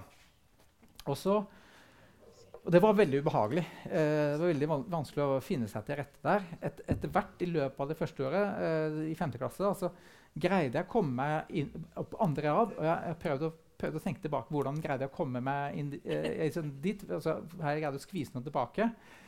Um, og det, det, som jeg tror skjedde, det var en av de som satt på andre rad, som var sjukmeldt en måneds tid. eller sånt, Sånn at jeg bare på en måte tok hans plass. Uh, sånn han måtte sette seg på tredje rad når han kom tilbake og var sånn noenlunde frisk. da. Så det, jeg er ikke noe stolt av det. Men det som, var, det som var sentralt, er at det var veldig vanskelig å komme inn. og De som har flytta på barneskolen, vet det her. Det er vanskelig å komme inn i en veldig etablert klasse. Her altså var det noen sånne strukturer som var vanskelig å finne seg til rette i og, og liksom greie å var umulig i hvert fall å løse opp i det. Og det, jeg endte jo opp med å henge sammen med to andre elever som også på en måte aldri greide å komme, uh, komme liksom, bli en del av den, den, klassen. Og det var to elever som var utvist fra andre skoler på Jessheim. Uh, og som var, og, og som var altså helt fullstendig avkobla fra alle mulige uh, ting. Og som vi holdt på med uh, også tyverier på skolen, butikktyverier. Vi drev en sånn musikkbutikk, Boje Granlis musikk på Jessheim. og Der dro vi også, liksom satt og spilte. Fikk, fikk låne trommesett i butikken. jeg spiller trommer da, og det andre liksom, Vi hadde en idé om å starte band. og vi var en, ene bodde i en sånn blokk i liksom fillete blokk på Jessheim. Uh, og nede i kjelleren var jo sånn, der, sånn nærmest bomberom hvor det lå noen pornoblader. så jeg leste pornoblader Og sånt, og det var selvfølgelig veldig spennende sånn i 5. klasse. Så, sånn fullstendig sånne destruktive aktiviteter. Uh, heldigvis så flytta vi en gang til på en måte når jeg var, var i 7. klasse. Jeg kom meg bort fra det der. Eh, til, til, noen kompiser som var litt mer konstruktive. så det er jeg glad for. Men, men poenget er at du, du ender opp hvis du ikke finner denne tilhørigheten, så kan du ende opp med, med sånne, sånne, relasjoner som bare eh, drar deg ned og bort fra, fra, noe som er sunt og godt. Og det er på en måte også de her destruktive fellesskapene som på en måte truer egentlig en ting. Man må ikke snakke om truende fellesskap, eh, fordi at de truer litt sånn din egen eh, la oss si, motivasjon for å, for å gjøre oppbyggelige ting. Eh, men de er der, og de er der hele tida. Og det å tenke over det, og det liksom tilbake til der jeg starta som avslutningsvis, det er jo det at det som, det som Jens Stoltenberg egentlig snakka om, uten at det var så, så tydeliggjort, det var jo nettopp at de fellesskapene fins i alle mulige sammenhenger. Noen av de er veldig, eh, veldig skumle i, i, fordi at de trekker, de trekker deg inn i aktiviteter som kan være destruktive. Altså terrorisme, Eh, en del andre ikke fullt så destruktive aktiviteter som terrorisme er liksom ekstremvarianten. Katrine Fangen, som er sosiolog i Oslo, skrev på 90-tallet noen bøker om nynazister i Oslo. Og, det, eh, og så Hun på en måte gjorde en del feltstudier blant nynazister i Oslo. Det som hun beskriver veldig fint, det er på en måte hvordan eh, hvordan de her relasjonene mellom de i den nynazistgruppene er, er, veldig gode. Det er de samme type varme, gode relasjoner som vi finner i et la oss si, oppbyggelig eh, varmt miljø i eh, Indremisjonen eh, i Sola, der hvor min mor er fra. Eh, det er de samme gode relasjonene som sørger for at du føler tilhørighet innenfor en sånn uh, f.eks. gruppe av nynazister. Det er de samme gode relasjonene som gjør at folk føler at det er et miljø hvor jeg hører hjemme. Og Dermed må man være super obs på, uh, på de miljøene som gjerne vil rekruttere folk inn, som kan være uh, f.eks. innenfor nynazisme eller terrorisme, fordi at de vil bygge ut miljøene. Mens mange av våre miljøer uh, kanskje skal være litt sånn Nei, er du god nok for oss? Nei, jeg vet ikke om du liksom, har akkurat de samme verdiene som meg. eller et eller annet. Det er superskummelt. Fordi man risikerer at de som, uh, de som har noen sånne destruktive sider, de får lov å rekruttere flere folk fordi at en del av de miljøene våre kan være så eksklusive og så knytta til at man har de rette verdiene og, og, den rette økonomien og de rette foreldrene og lese de rette bøkene og alt det der. At vi blir litt for eksklusive. Og det er det skumle, og det er det truende i fellesskapet. Og det er på en måte de fellesskapene som truer også på en måte de her eh, som truer på en måte de gode relasjonene, som truer på en måte, omsorgen som vi er nødt til å ha i vårt samfunn. Um, så jeg tenkte jeg skulle bare avslutte med det. Og det siste bare si det, det, som jeg sier til mine studenter For jeg er sånn som arrangerer litt ulike ting. En ting er at jeg starta som et sosiologisk politikk, som er et arbeidsfellesskap. Men også starta noe som et sosiologifestival, som handler om å lage noe eh, litt sånn positivt og litt sånn glødende ut fra et sånt fagområde. Og da sier jeg til, til, til studentene som, som sier at, sier at, eh, 'Hvorfor var du ikke på festivalen som hadde i går?' Det skjer én gang på høsten. altså hver høst det der. En sånn endagsfestival med litt musikk og mye fag og litt forskjellig sånn. Uh, og så sier de studentene Hvor, 'Hvorfor kom du ikke?' Jeg sier Nei, jeg, jeg forså meg litt, våkna litt seint, og så tenker jeg at uh, uh, Nei, jeg, jeg kommer til neste år. Og da sier jeg Festivalen eksisterer når du kommer. Du skaper festivalen. Og det er så superviktig for meg å si, for det er liksom den, der, den genuine sosiologiske erkjennelse at vi, vi, vi, skaper samfunn hver eneste dag.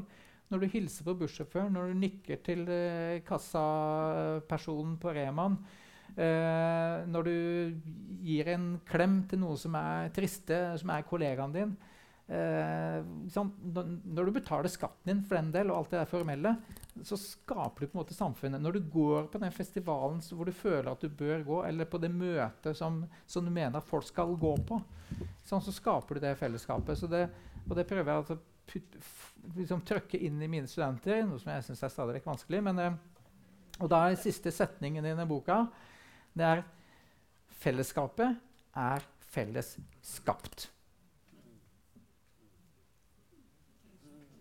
Takk.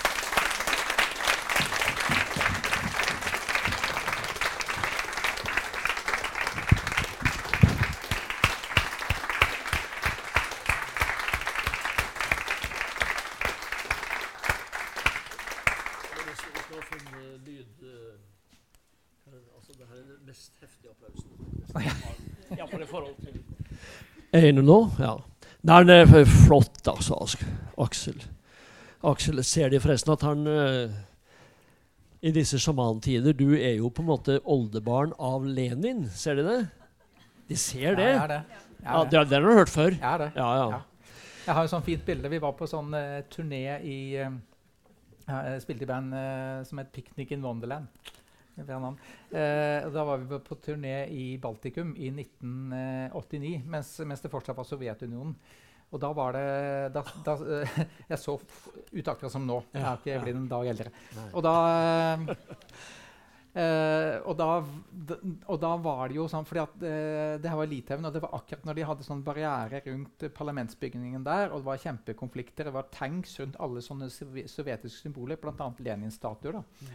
Og da var det liksom interessant eh, hvordan opplevde de når jeg kom og så Jeg så veldig ut som, eh, som Lenin. og sånt, og det, Nei, De syntes det bare var flott. De hadde sans for Lenin. Det var andre aspekter ved Sovjetunionen de ikke var så glad for. da. Så jeg har sånn fint bilde hvor jeg står hvor jeg står på en måte her, og så er det en Lenin-statue rett bak meg.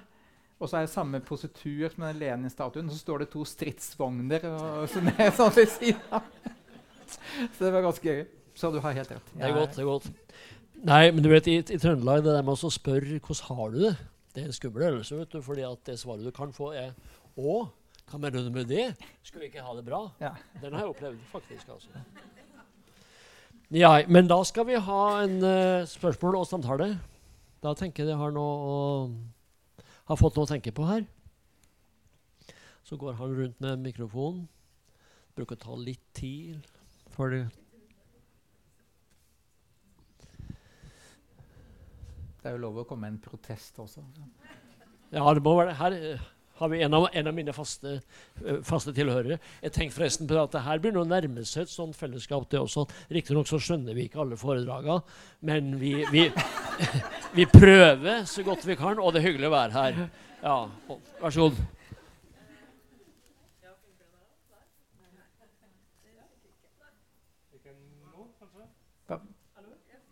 Ikke helt. Ja, jeg kan bare snakke høyt. Jeg skal ta den? Ok. Hei. Ja, den fikk jeg. Uh, ja, jeg setter veldig pris på denne foredragsserien, så jeg ble litt uh, lei meg da du i introduksjonen nevnte noe om at den kanskje var ferdig snart. Men uh, uansett, jeg tenkte på um, noe da du fortalte den uh, butikkhistorien. Eh, ja, Rema- Rema-historien.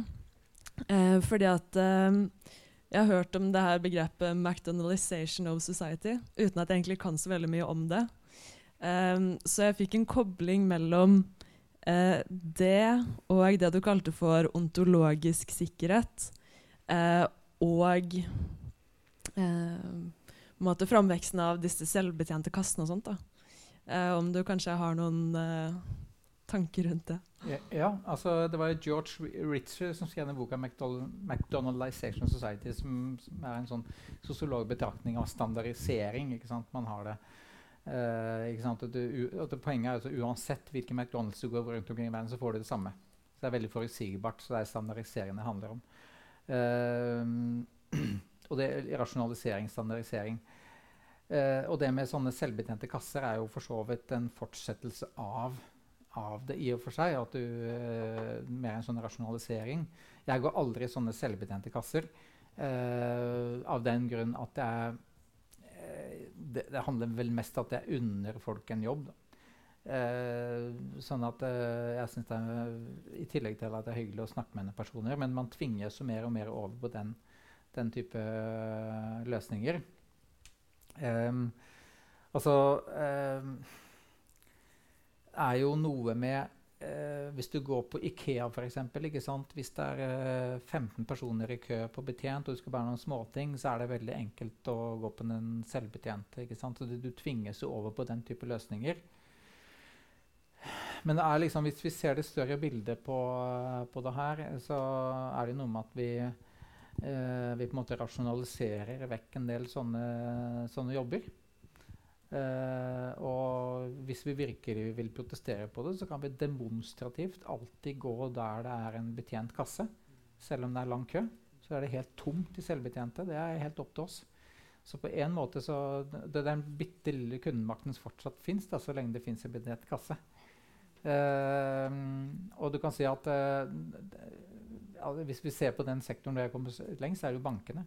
Hvis du går i en bank i dag i Trondheim og ser Ja, det fins noen banker. Eh, hvis du går på en bank, eh, bank i dag i Trondheim eh, Jeg var sist for ikke så lenge siden, for jeg hadde fått noen sånne utenlandske sjekker eh, som jeg skulle prøve å bytte inn. Det gikk jo sånn halvveis bra. Jeg fikk bytte inn noen få av dem eh, til penger. Um, og det, da ser du at de som, de som står i en bank i dag du kan, du kan se det er folk som ikke er norske, eller folk som er veldig gamle. Stort sett har de gamle greid å finne ut av nettbank, eh, men det er noen som ikke har et norsk personnummer. Og du ser det på dem. Du ser det på hudfarge, rett og slett. Eh, og, og, så det er på en måte en ganske skjellsettende opplevelse. egentlig. Og de, de har type tjenester som de mer eller mindre får hjelp til å få utført. Og det, der har man rasjonalisert bort eh, ganske mange, mange folk. Eh, vi betaler fortsatt samme gebyrer og samme rente alt det der. Eh, så det er, no, det er, noe med hvordan, hvordan den, den, virksomheten eh, skjer. Som kunder så har vi bare Vi har en viss grad makt, men ikke så veldig mye makt. Så min anbefaling gå i den betjente kassen hvis dere har tid. Dere står uansett og ser på et eller annet på smarttelefonen, så dere kan stå og vente. Eller som jeg, da. Jeg har sånn bitte liten DAB-radio, så jeg står og hører på radio. Um, så det Jeg lurer på hvordan du tror det påvirker vår ontologiske sikkerhet, da, når vi mister de her uh, mulighetene for små interaksjon. Det var bra du sa det, for det, for det, var, det var det andre poenget mitt. Fordi at du kan, Selv om du har det standardiserte, la oss si du går på altså sånne, sånne, faste kjedekonsepter, om det, er, om det, er, McDonald's eller om det er på McDonald's er utgangspunktet for det navnet, føler men det er alle de om det er Rema som er standardisert, eller om det er uh, Starbucks, alle de kjedene, så er det jo fortsatt individer som jobber der. Ikke sant? Sånn at du kan gå i en helt sånn standardisert butikkonsept. Og så er det på en måte noen av de, Hvis du går fast her, så er det noen av de personene du kjenner fra gang til gang. Så fortsatt kan du føle at du har den personlige type bitte lille subtile relasjonen. Nettopp det at du møter den samme personen som er den tryggheten. Uh, men, men den, den, den, automaten gir jo ikke samme følelse. Fordi at den er Altså enhver automat Når du sjekker inn på flyplassen på de automatene ikke sant? Er, det, Alle automater ser likt ut, uansett om du gjør det her eller i Glasgow. ikke sant? Nå blir det robotisert buss vet du, i tillegg. Ingen ja, si ha det til. Nei, det blir fryktelig trist. Du, hvorfor er det forska så lite på rundkjøring? Tenk på det. altså Hver eneste dag så, Da har en jo forkjørsrett, ikke sant? Når er det en eller annen som tenker Nei, nå må jeg gå over til glidelås. Det er På et eller annet tidspunkt så skjer det. ikke sant? Og hvem er det, liksom, som tenker sånn? Da, da er du på fellesskap, altså. Det er et forskningsoppgave. Ja, men se på, uh, se på, hvis du ser på trafikk Se hvor viktig det er med øyekontakt på sånne type ting. Eh, selv om du sitter inni en bil. Øyekontakt når du, når du f.eks. Eh, eh sier at okay, her er det så mye biler rundt rundkjøring at du, du lager en glidelåsgreie. Du slipper inn folk.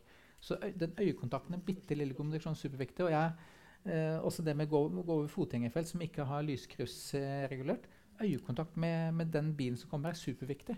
For å vite at vedkommende stopper. Så det er bitte lille tegna der som er så viktig. Så trafikksosiologi er viktig. Viktig, ja. kveld, altså. Ja.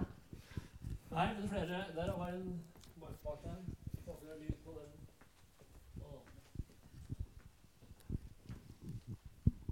Eh, hallo, ja. Du snakka om eh, eh, digitale fellesskap eh, hovedsakelig som truende. Men jeg hadde lyst å høre hva du hadde å si om, om type internettforum og en del sånn nisjekulturer. Som også finnes veldig mye på internett, og kanskje spesielt for uh, mange som faller utafor.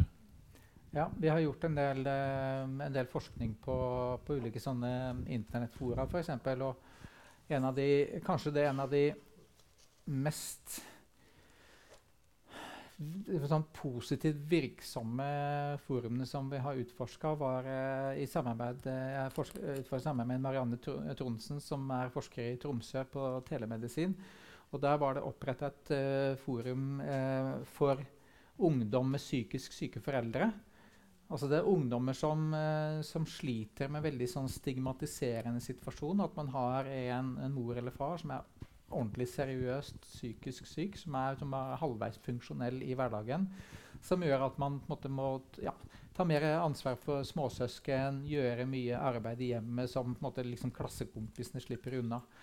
Um, og så ble det oppretta et sånn uh, selvhjelpsforum, som man kaller det. Eller sånn diskusjonsforum for uh, de ungdommene.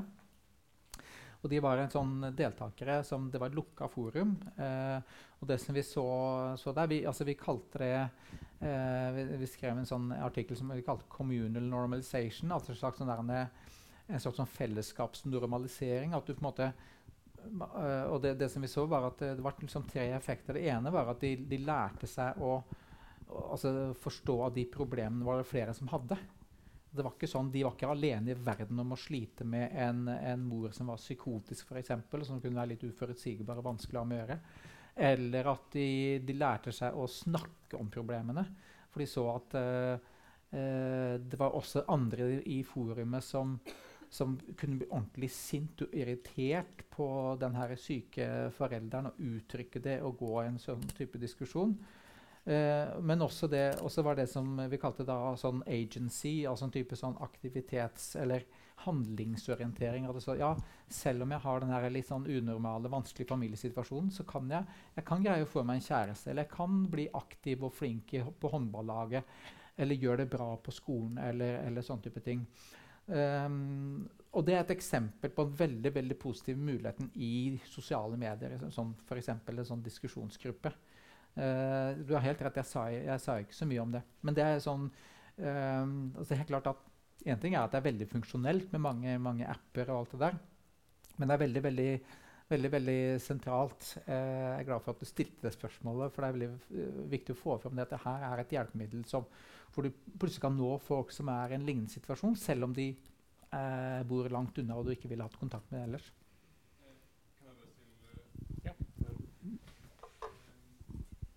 Uh, ja, det er en ting Det jeg tenkte uh, kanskje enda mer på, var sånn type store, åpne forum. Altså type Twitch, Reddit, 4chan, der de har fryktelig sånn uh, nisjehumor og nisjeinteresse, på en måte. Ja. Litt i, spesielt i forhold til det du snakka om med 3B og ja. bodegaen. Og at man ja. har liksom Man skaper seg en identitet som er Mens kommunikasjonen som foregår der, er liksom 99% meningsløs. Altså det ja. ja nei, men altså, Noe som er meningsløst for én person, trenger ikke være det for en annen. og Det er det som du snakker om som du kan jo si Det kan være meningsløst å sitte og se på en film som du ikke skjønner, bare for at du later som du skjønner den filmen nå. Uh, på en filmklubb eller et eller annet. Så, så, så meningsløst og meningsfylt altså det, kan, det, er, det, er, spennende så stort, men litt at du, du kan føle en type identifikasjon med andre som har den type samme interesser, selv om det kan være en veldig sær humor eller en eller annen tematikk som veldig, veldig få er opptatt av. Eh, jeg mener det er veldig, veldig viktig at Internett gir den, gir den type mulighet. Uh, så det, det, er positivt i den forstand. Men, men, er, så, men, jeg tenker også denne balansen mellom den muligheten for å bruke mye tid og interessere seg for det, men, men ikke, ikke, falle helt utenfor det samfunnet som er rundt deg. Da. Det som jeg tenkte på, fordi Jeg har jobba veldig mye med, veldig mye med å lage liksom, inkluderende opplegg med mine studenter, særlig førsteårsstudenter. Uh, for at de skal føle at de er en del av et studiemiljø. Da kan du si at En del sånne ting kan også bli en trussel som vanskeliggjør det. Altså hvis de stikker unna og blir sittende og, og på en måte surfe med sine, enten sine gamle kompiser og videregående, eller sånne sære interesser som de bruker mye, mye tid på, så, så, føler de at de liksom har sitt miljø eh, digitalt nok, men, altså, men, men, likevel. Sånn at de liksom ikke føler press nok da, til å involvere seg liksom, ukjente personer og, og med, være med og skape det her fysiske fellesskapet. da. For at jeg, eh, når jeg hadde de prosjektene, så merka jeg jo at en del av de som, de som var med på det, som hadde brukt, pleide å bruke mye tid på sosiale medier, de, de merker jo likevel at når de liksom tvang seg sjøl til å være litt mer eh, sånn ansikt-til-ansikt sosial, så, så, så snakka de om at de følte at det var mer genuint i det. Så, så, det er nok noen sånne kvalitative forskjeller som likevel man ikke må underkjenne, tenker jeg. Uh, jeg lurer bare på om du tenker at det er noen uh, andre løsninger enn de små tingene man kan gjøre? Om det er noen sånn større ting man kan gjøre for å uh, kunne unngå over flere timer eller dager eller noe sånt, og hvordan, for så vidt også hvordan man kan eh, forholde seg til det uten at det er snakk om boikotting. Altså sånn, på den ene sida at det går an å unngå det helt, men på andre måter også kunne si fra om eh, hva man ønsker mer og mindre av, f.eks. algoritmer eller liksom den typen ting, uten at man er nødt til å melde seg helt ut for mm. å kunne demonstrere imot det, på en måte. Ja. Uh, det er et godt spørsmål. Vi, an vi arrangerte en sånn analog dag her uh, lørdag 11. mai Og vi fikk noen med, ideen var, Det var en lørdag for folk til å koble seg ut. Så hadde vi en del sånne aktører rundt omkring i byen som bibliotekene her hadde. At du kunne komme inn på Sverresborg folkemuseum. Hvis du la igjen mobilen i skranken, så fikk du gratis inngang til museet. og en sånne ting. Uh, så, det, så, det, så, det, er én måte at du liksom sier at okay, uh, nå er det en dag hvor du prøver å legge bort sånne skjermmedier og sånt. Som for så vidt er ekstremt, men når det er bare en dag, så kan man uh, greie det. I hvert fall mange, eller noen kan kanskje greie noen timer. I alle fall. Men det andre er jo også å se hva, hva slags type Vær litt sånn, der, litt, sånn tenk, vær litt mer sånn rasjonell. Tenk hva slags, type, hva slags type sosiale medier skal jeg bruke tid på å delta i? Uh, og det kan jo hende at, uh, at det er noen ting man kan la være. Og har, det som jeg har tenkt på som var også en motivasjon fra, for en sånn analog dag, det er jo også en sånn klimamessig ting. fordi at eh, vi står og har servere som står og som fòrer informasjon til oss hele tida. 2% av verdens energiforbruk er de serverne per i dag. Og det er kanskje den, den energibruk som øker mest. Um, det er vel omtrent samme som flytrafikken, tror jeg. Og, og da har du et, en sånn problemstilling at hva er nødvendig av det? Altså hvis du, hvis du, og, hvis du, og, hvis du går og, ser på film, da, strømmer en film på sånn uh, type smarttelefonoppløsning, så er det omtrent en kilowatt. Så hvis du går og ser på film hele tida, så er det samme som du går og støvsuger hele tida. En, en, relativt god støvsuger er en kilowatt. Så det er derfor du forbruker av energi konstant. Så hvis du vil gå og bruke energi tilsvarende som å støvsuge hele tida, så kan du gå og se på film hele tida. Altså strømme film. Og det er, ikke, det er ikke strømmen som driver mobiltelefonen din, som tar det, det, er veldig lite. Men det står server rundt omkring som, som brenner kull og alle mulige ting. Så det er et sånt aspekt ved det. Og jeg tenker at liksom, Som du spurte om, det er veldig po mye positivt Internett. Men, men, vi tar for gitt at det her bare fins som altså, Så snakker man om ja, det her er i skyen. Selvfølgelig er det ikke i skyen. Ingenting som er i skyen. Ja, ja, Regndråper og alt det der. Falling in your head. Men det som er i, det her er jo ting som står og, og som er på lagra på ulike servere, og som, som, som, driver mange servere før de ender opp på din, din mobil. Så, så det sånn, i, i, det større bildet så er det liksom OK, trenger du det her? Trenger du de her oppdateringene hele tida? Trenger du å strømme en film eller strømme musikk? Slutt å strømme musikk! Lagre musikken på mobiltelefonen. Så, og der. Hør på DAB-radio, som, som, som, uansett uh, er en sånn etergreie. Uh, Slutt å strømme ting. Det er helt unødvendig. Ingen av dere som trenger det. Last ned ting og hør på det, eller hør på radio. Eller hør på noen som snakker i nærheten. Snakk med bussjåføren. Sett deg ved siden av en på bussen og snakk med en. Men ta ut pluggene og ørene og, sett, og, og gjør det. det. det. er en sosial kostnad, men, eh, men, belønningen er ofte ganske umiddelbar. Jeg syns det Sorry, kan jeg? Det var ikke meninga å avbryte. Uh, nei, jeg bare syns eh, det var veldig bra initiativ med den analog dag. Og jeg har liksom hatt et sånn halvveisprosjekt i sånn fem år som er kalt Analog onsdag. Uh, fordi jeg sliter veldig med både angst og avhengighet av det digitale. Eh, kanskje litt selvmotsigende, men det er altså faktum. Kan jeg legge en bitte liten ting? Ja. Fordi at jeg, jeg, jeg, diskuterer det, så snakker mange om de avhengige. Og jeg syns ikke man skal snakke om avhengighet. Det er sikkert noe som er avhengige. Men jeg tror man skal snakke om rutine. At, at rutinene våre er knytta til det. For jeg tipper at uh, hvis du, altså, du har fått til lagt det her fra deg hvis du hadde god nok motivasjon for det, uten å få liksom uh, Hva heter det når man har uh, Abstinens, ja. Abstinens, ja. Uh, jeg tror ikke du får abstinens, og sånn sett er du ikke avhengig, selv om det kan være litt ubehagelig. Ja. men, men rutinen er så knytta til det. Ja, men det er nok veldig sant. det jeg baserte på, er spørsmål som man stiller gjerne ut ifra de som driver med gaming. Eh, på sånne typer spill. Eh, og da svarte jeg liksom det samme som de har svart. Ja. Men jeg er helt enig i at man kan bruke andre ord for det likevel. Men eh, tenker du at, at, det også vil være et poeng, eh, det her med det presset og den forventninga som man også stiller til andres eh, tilgjengelighet når man sjøl er veldig tilgjengelig? Men det her er jo akkurat som når man, når man sitter og du, du, sitter og drikker vin utover kvelden, og så blir klokka, så klokka ett ikke sant? blir den halv to, og du skal på jobb klokka åtte dager etterpå, men stemningen er så utrolig god. ikke sant? Og ja, klokka blir to, og så blir det halv tre. Men ingen vil gå. Uh, og grunnen til at du ikke vil gå, er jo at ingen andre vil gå. Og grunnen til at de ikke de andre vil gå, er jo at du ikke vil gå. ikke sant? Og det samme er når, når uh, ungdommen blir liksom liggende med smarttelefonen i senga utover natta. De, fordi at de, altså Interaksjonene er der hele tida. Altså det er ikke noe naturlig avslutning på det.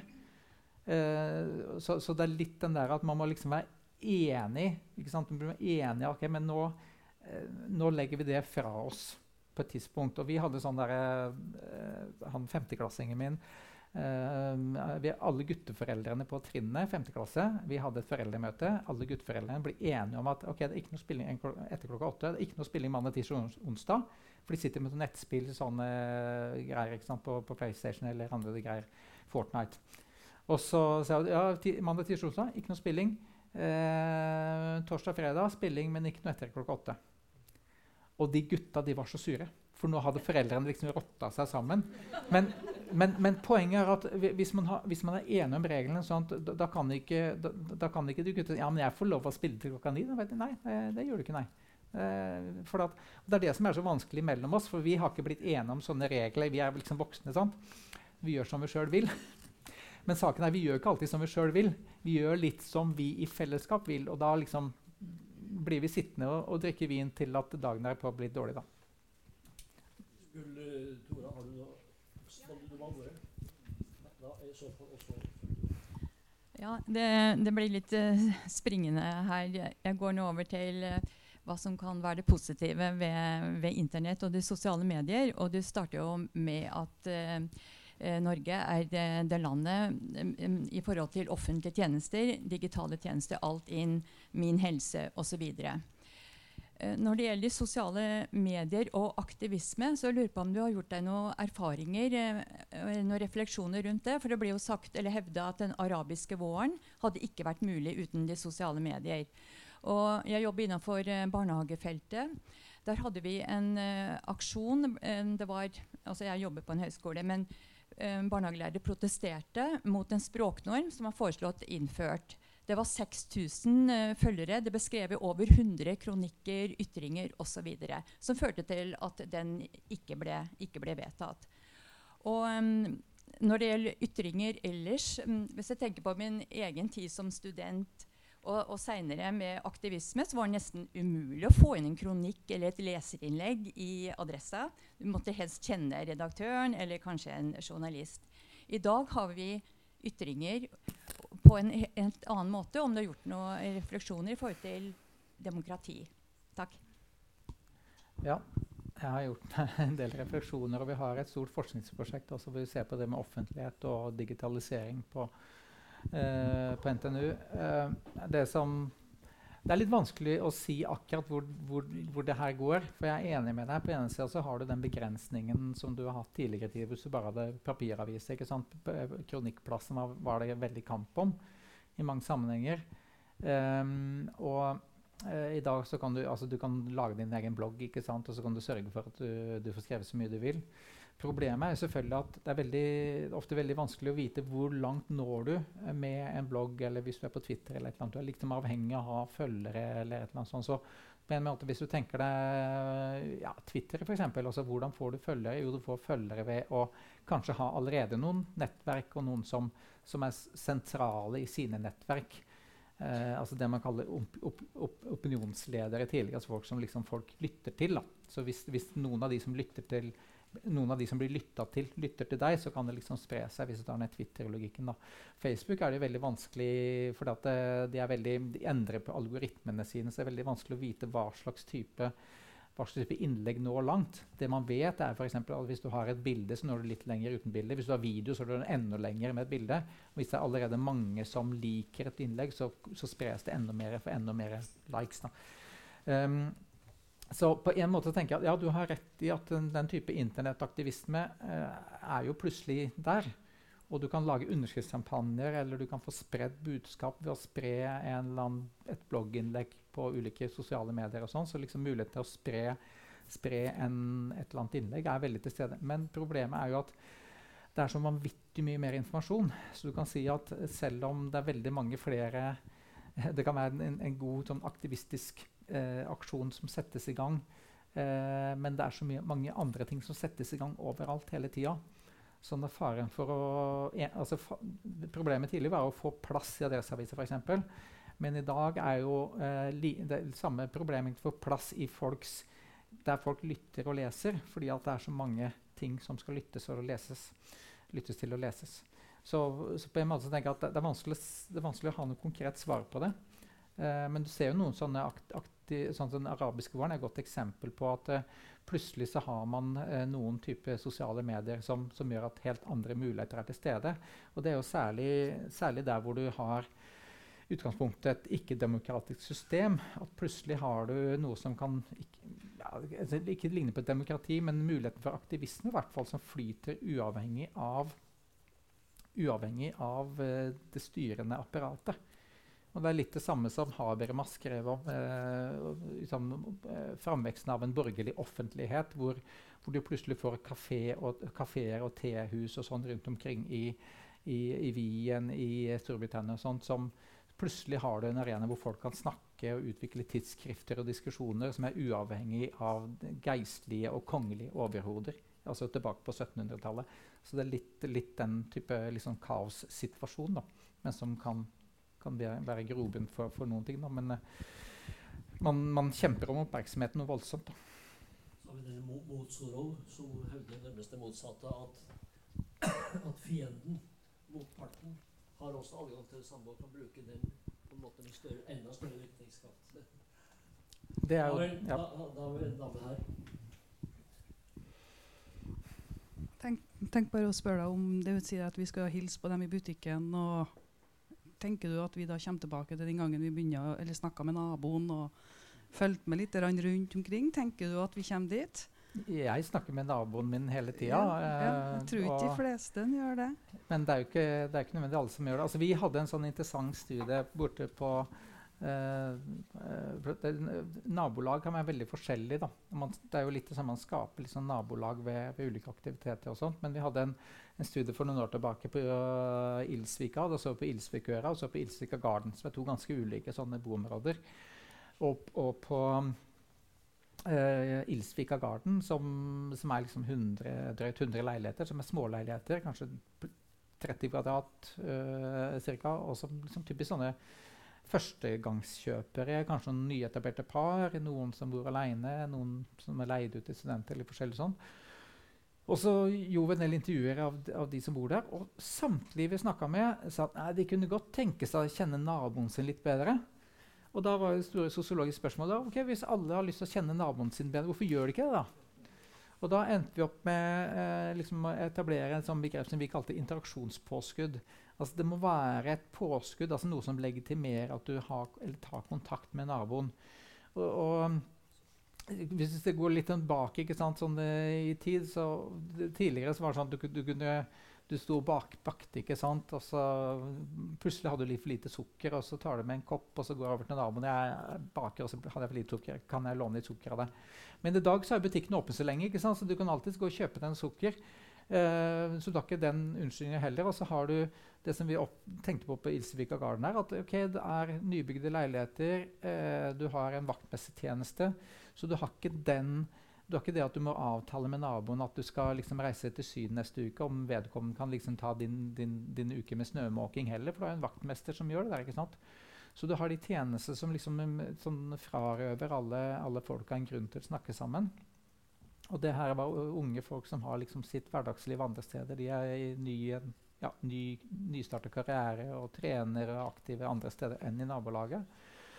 Så det som er på en måte, det litt det som jeg har i forbindelse med by, byutvikling, som vi har jobba en del med, så er liksom, ok, sørg for at nabolag er sammensatte. Du har barnefamilier, du har eldre, du har ungdom. altså alt, For at særlig barn barn som er ute, la oss si alderen liksom 4 til 12, som bruker uteområdene, de genererer også liv og i de andre aldersgruppene. Uh, så det er liksom anbefaling for byutviklere. da. Det er ikke sikkert de hører alltid på det, men, fall, uh, det, men man ser det veldig godt på sånne boområder som har gått i altså sånn, Det har vært noen generasjonsskifter, sånn at det blir veldig sammensatte. Sånn som det, sånn litt der jeg bor nå, ved festningen der, at det er veldig sammensatte folk i alle aldre. Og det betyr at ja, folk er i gata, folk snakker med hverandre uh, over hekken og sånt. Det, de andre, det andre det vi så på, det er Ilsvika, Ilsvikøra, som er sånne små sånne hus fra 1850-tallet, små arbeiderboliger, som nå er ganske godt tatt vare på. Sånn, men, de, men, de, har fortsatt slitt veldig mye med sånn vann i kjelleren. Og sånn, og da blir det et interaksjonsforskudd. Ja, altså, ja, sliter jeg med litt vann i kjelleren. Hvordan har du ordna det? ikke sant? Og så er det sånn Koteng planlegger sånn kjempehøy blokk i nærområdet der, så får de en felles fiende. Det er også veldig godt interaksjonsforskudd. da. ja. ja, da får du aktivisme, ikke sant? At man får en sånn felles fiende. Instinktet mitt sier at det kanskje skal bli naboene. Instinkter er bra. Hva sa du? De sitter der, ja? Nei, jeg bare sa instinkter. Det er, Instinkter ja. skal han ikke stole Ja. på. Ja, magefølelse har jeg hørt at man skal tro på. Ja. Skal vi si at det er siste innlegget, så runder vi av. Ja, du har jo sn snakka om fellesskap og sådant mer. Altså, du spurte her om å komme tilbake til naboen. Men altså, naboen han står jo bare og ser på telefonen. Og det er jo en av de tingene jeg syns er litt trist da, når jeg går i byen og ser unge mennesker som før På min alder vet du, da satt vi og holdt hverandre i hendene og vi klina litt og sånn. Men nå sitter altså unge par og ser på hver sin skjerm.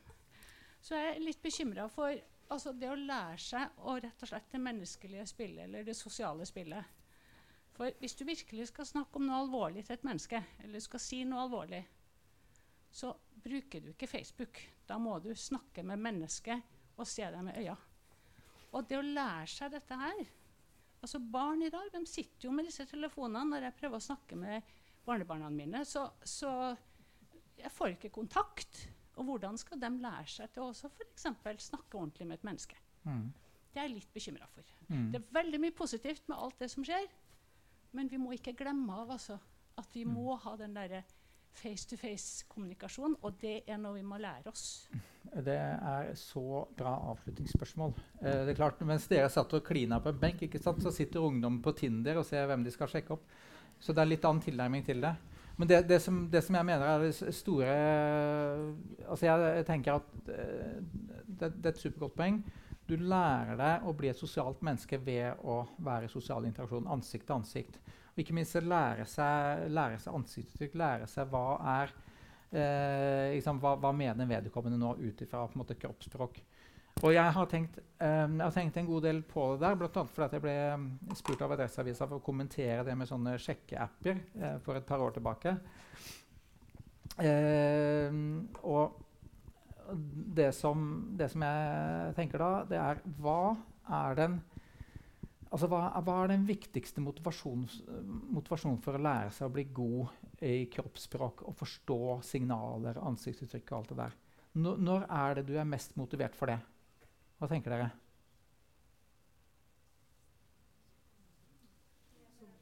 Hæ? Når du er på, ja, eller når du er på sjekkeren, ikke sant? eller forelska, kanskje til og med forelska. Når du er på sjekkeren, eh, da er da, det er en supersterk motivasjon for å lære seg det. Og når, når er det det skjer?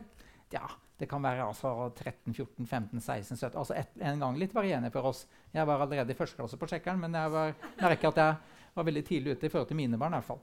Um, og, men eh, hva, hva, er det, hva er det man da forsøker å, å finne ut av? Jo, du forsøker å finne ut av Har jeg, har jeg sjans på den der personen? Ikke sant? Hvis, hvis jeg liksom stiller meg litt nært, ikke sant? Hvis jeg stiller meg litt sånn nært, og så går litt sånn nært, og så litt, litt sånn Er det en person som er interessert i meg eller ikke? Det er det jeg prøver å finne ut. Og det, det kan være litt sånn vanskelig å finne ut av det, men jeg må litt sånn nært. ikke sant? Sånn, hvis man kommer litt sånn nært, så, så, så dytter vedkommende vekk armen min nå. Nei, og så kan vi gå videre, sant? så, men det er litt av poenget der, at du, du, må, du må finne ut av det. Du må finne ut av det, og eneste måte å finne ut av det på, det er å tilnærme seg personer. Og så er jo problemet, da, hvis du har delegert det til en app, f.eks. Tinder, så kan du slippe unna det. Du kan slippe unna den, den som kan være ganske vanskelig, for det å bli avvist er utrolig ubehagelig. Særlig hvis du er forelska, som du sa. knapt. Hvis du er person du har vært sånn hemmelig forelska i et halvår, så er det å bli avvist eh, utrolig ubehagelig. Eh, og, og det kan du slippe unna ved å gå på Tinder. Jeg hadde en mastergradsstudent som jeg veileder i fjor, som, som studerte Tinder. Så på dis, dis, in, intervjua en del folk om Tinder. Og det Er sånn, er det noen av dere som er på Tinder her? Som tør å si det? ja, noen. Og det er sånn der, eh, Tinder er på en måte den sjekkeappen som jeg altså, helt, eh, sikkert helt, helt, helt fint mange. Men jeg merker det, altså, de som er i parforhold, de må liksom demonstrativt fortelle at nei, nå har jeg sletta Tinder-konto. Er liksom, da, da er man i et forhold. ikke sant? Og så med en gang forholdet er slutt, så er det over på Tinder igjen. Men, men det, det som var hans poeng, er at du har sånn sveipelogikk. altså Du sveiper eh, bort folk. Sånn at det blir et sånt spill. ikke sant? Og det, det her er ikke personer, nærmest sånn spill. ikke sant? Det er ikke, det er ikke individer og mennesker. Det blir et sånt spill ut av det. Og det som er ditt poeng, som er veldig viktig, at ok, men da har du ikke den sterke motivasjonen for å lære deg liksom ansiktsuttrykk. Og derfor så mener jeg at det, er, det, er, det der er Jeg mener at det er superskummelt. Jeg, jeg er oppriktig bekymra uh, for en del av altså Tinder og sjekking er én ting, men også det er sk i, på skolen, altså på død og liv, skal sosiale eller sånne skal gi sånne nettbrett til alle elevene. Sånn. Det er fullstendig idioti. Uh, bruk heller penger på gode lærere og, og, og, bøker og bra ting. Altså det er litt sånn eh, besnærende komisk eller tragisk eller hva man skal si, at en del av de, eh, de som er mest opptatt av eh, teknologiutvikling i Silicon Valley, de, uh, mange av de har ungene sine på Steinerskolen, hvor man liksom tatt, uh, fjerner de sosiale mediene. Og det er jo personer som nettopp utvikler den type programvare som skal suge brukere til å, å, bruke mest mulig tid på det. da. Det finnes nok store variasjoner der også. men, jeg, men jeg, jeg, er veldig bekymra for at, man, at skolen ikke har en mer eh, sånn der, en reservert holdning til bruk av uh, sosiale medier. Og den, de, de, de der folka som argumenterer for at ja, de kan ha mobiltelefon i klasserommet for at det er klart mobiltelefonen kan brukes pedagogisk. Jeg har aldri fått et eneste konkret eksempel hva slags pedagogisk verktøy de elevene har på sine mobiler. Ja, men, så, ha det hjemme eller sett et mobilhotell i klasserommet. et eller annet. Mobil har ingenting å gjøre på skolen. Jeg har prøvd det for mine studenter også. Liksom, bare, si, bare legg bort, sosiale, legg bort skjermer nå. Men vet du, en del av mine studenter sitter jo og noterer på laptoper, så jeg kan liksom ikke bare fjerne det helt. Men det, det er klart, um, Jeg har jo hatt en sånn, del sånne studier nå. Beklager, det ble langt svar helt på slutten. Men jeg må bare nevne det. Jeg har, jeg har gjort en del sånne skjulte observasjoner. hvor jeg har en del, eh, noen sånne hvittaser som observerer studentene bakfra og ser hva de har på sine skjermer i forelesningssalene. Eh, gjort en del omganger nå. og Det er veldig varierende. Men noen sånne observasjoner er helt vanvittige. altså. Uh, man sitter og tar bilder og deler med de andre og sender alle nettaviser og finn.no. Alle mulige ting. Og da kan man lure Hvorfor er man der, da? Ikke sant? Og, og jeg er bekymra. Jeg såpass, uh, har dårlig, såpass dårlig impulskontroll at jeg har kasta iPhone, sånn, for jeg kan ikke ha sånt. Uh, og det tror jeg mange andre skulle også erkjent, at det her er veldig forstyrrende. Og det er sånn irriterende ting, og det er sånn behagelig når man har sånn, sånn setting som det her. bare avslutt med, sånn setting som det her, Hvor folk måte, er litt mer sånn, med i en sånn situasjon. At man er her for å ha en slags diskusjon og tenke litt og, og det. Man ikke sitter sånn der eh, eller på, på smarttelefon. Så jeg, jeg syns det er veldig behagelig. Men jeg kjenner jo at den der fokuserte interaksjonen, som godeste Goffman ville kalt det, det er en mer og mer sjelden vare. Eh, og det er jo det som, eh, som, du legger merke til, ikke sant? også som eh, med, med, barn eller barnebarn, eller eh, hva man nå har på en måte som man vil ha kontakt med. At de, man skal liksom faktisk være veldig bestemt på at nå skal vi ha ansikt-til-ansikt. Nå skal vi legge vekk sosiale medier. Og du kan ikke ta for gitt at det skjer automatisk. Hvis du er veldig kort, og du svarer kort, så får du telefon og Eller at det burde jo før, eller sånn, før man så konsekvensene av bruken vår, da, så burde jo, man burde jo hatt noen regler, noen normer for det. Sånn, eh, for nå har det jo bare tatt helt av. Sånn, eh, når jeg er på tur med min familie, så sitter alle med telefonen. Og sitter, vi har satt og spist mat, så bare sånn Ja, da sitter jeg her, da. Og ja. jeg syns det er veldig utrivelig. Og sånn burde det jo vært i skolen nå, spør, eh, spør du meg. Ja. Hadde jeg vært lærer, så hadde jeg bare sånn Nei, ingen får lov til å være på telefon. Jeg er blitt helt frustrert. Jeg skjønner ikke hvordan en lærer har det i dag. Ja. rett og slett. Når du på en måte opplever så mye um, at folk sitter på nett. Nei, Jeg har hatt en sånne timer på to, Tora Storm, sånn psykologiklasse. liksom Bare blitt invitert til å snakke litt om det, sånn uh, digitale medier og sånt. Og da jeg, da liksom, jeg merket at elevene sitter der og liksom snart Så jeg sier legg det bort. Legg det bort! Få vekk de telefonene også. Hæ? De ser sånn Hva? Men de må jo gjøre det. Hvis ikke så gidder jeg ikke å begynne med, med det jeg skal si. Så de gjør jo det. Men det, det er veldig tungt for det, da. Ja, uh, det burde jo vært en regel, mener ja, jeg. Ja, regel. Og jeg mener middagsbordet, da det er borte. Altså. Det tenker jeg enhver, enhver forelder må ta ansvaret for. Ikke noe sånt ved middagsbordet. Og det er jo så synd at ikke skolen også liksom er litt med å pushe på det. Ja. Så, men jeg merker jo når jeg, når jeg, snakker om sånne ting, så, så er det liksom, også litt sånn skeptisk til det. Det er veldig nyttig, det er mye apper nyttig og sånn, så man må ikke liksom demonisere smarttelefoner. Men jeg, jeg, jeg, heller mer og mer til tanken om ja, skal man ikke det? faktisk.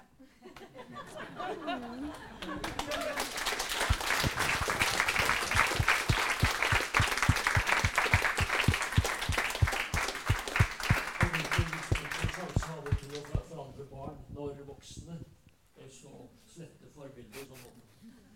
Nei, men altså, I kveld skal jeg tenkte jeg kanskje jeg skulle gjøre et forsøk på bussen øh, og klemme. Eh, Ikke bare si hei, men altså klemme bussjåføren. Da, Ja. da har vi det andre. Jeg har begynt å klemme alle foredragsholderne her. Ja. Og det er ikke alle like, ikke alle er klemmere, men du er klemmer, vet du. Ja, nei, men eh,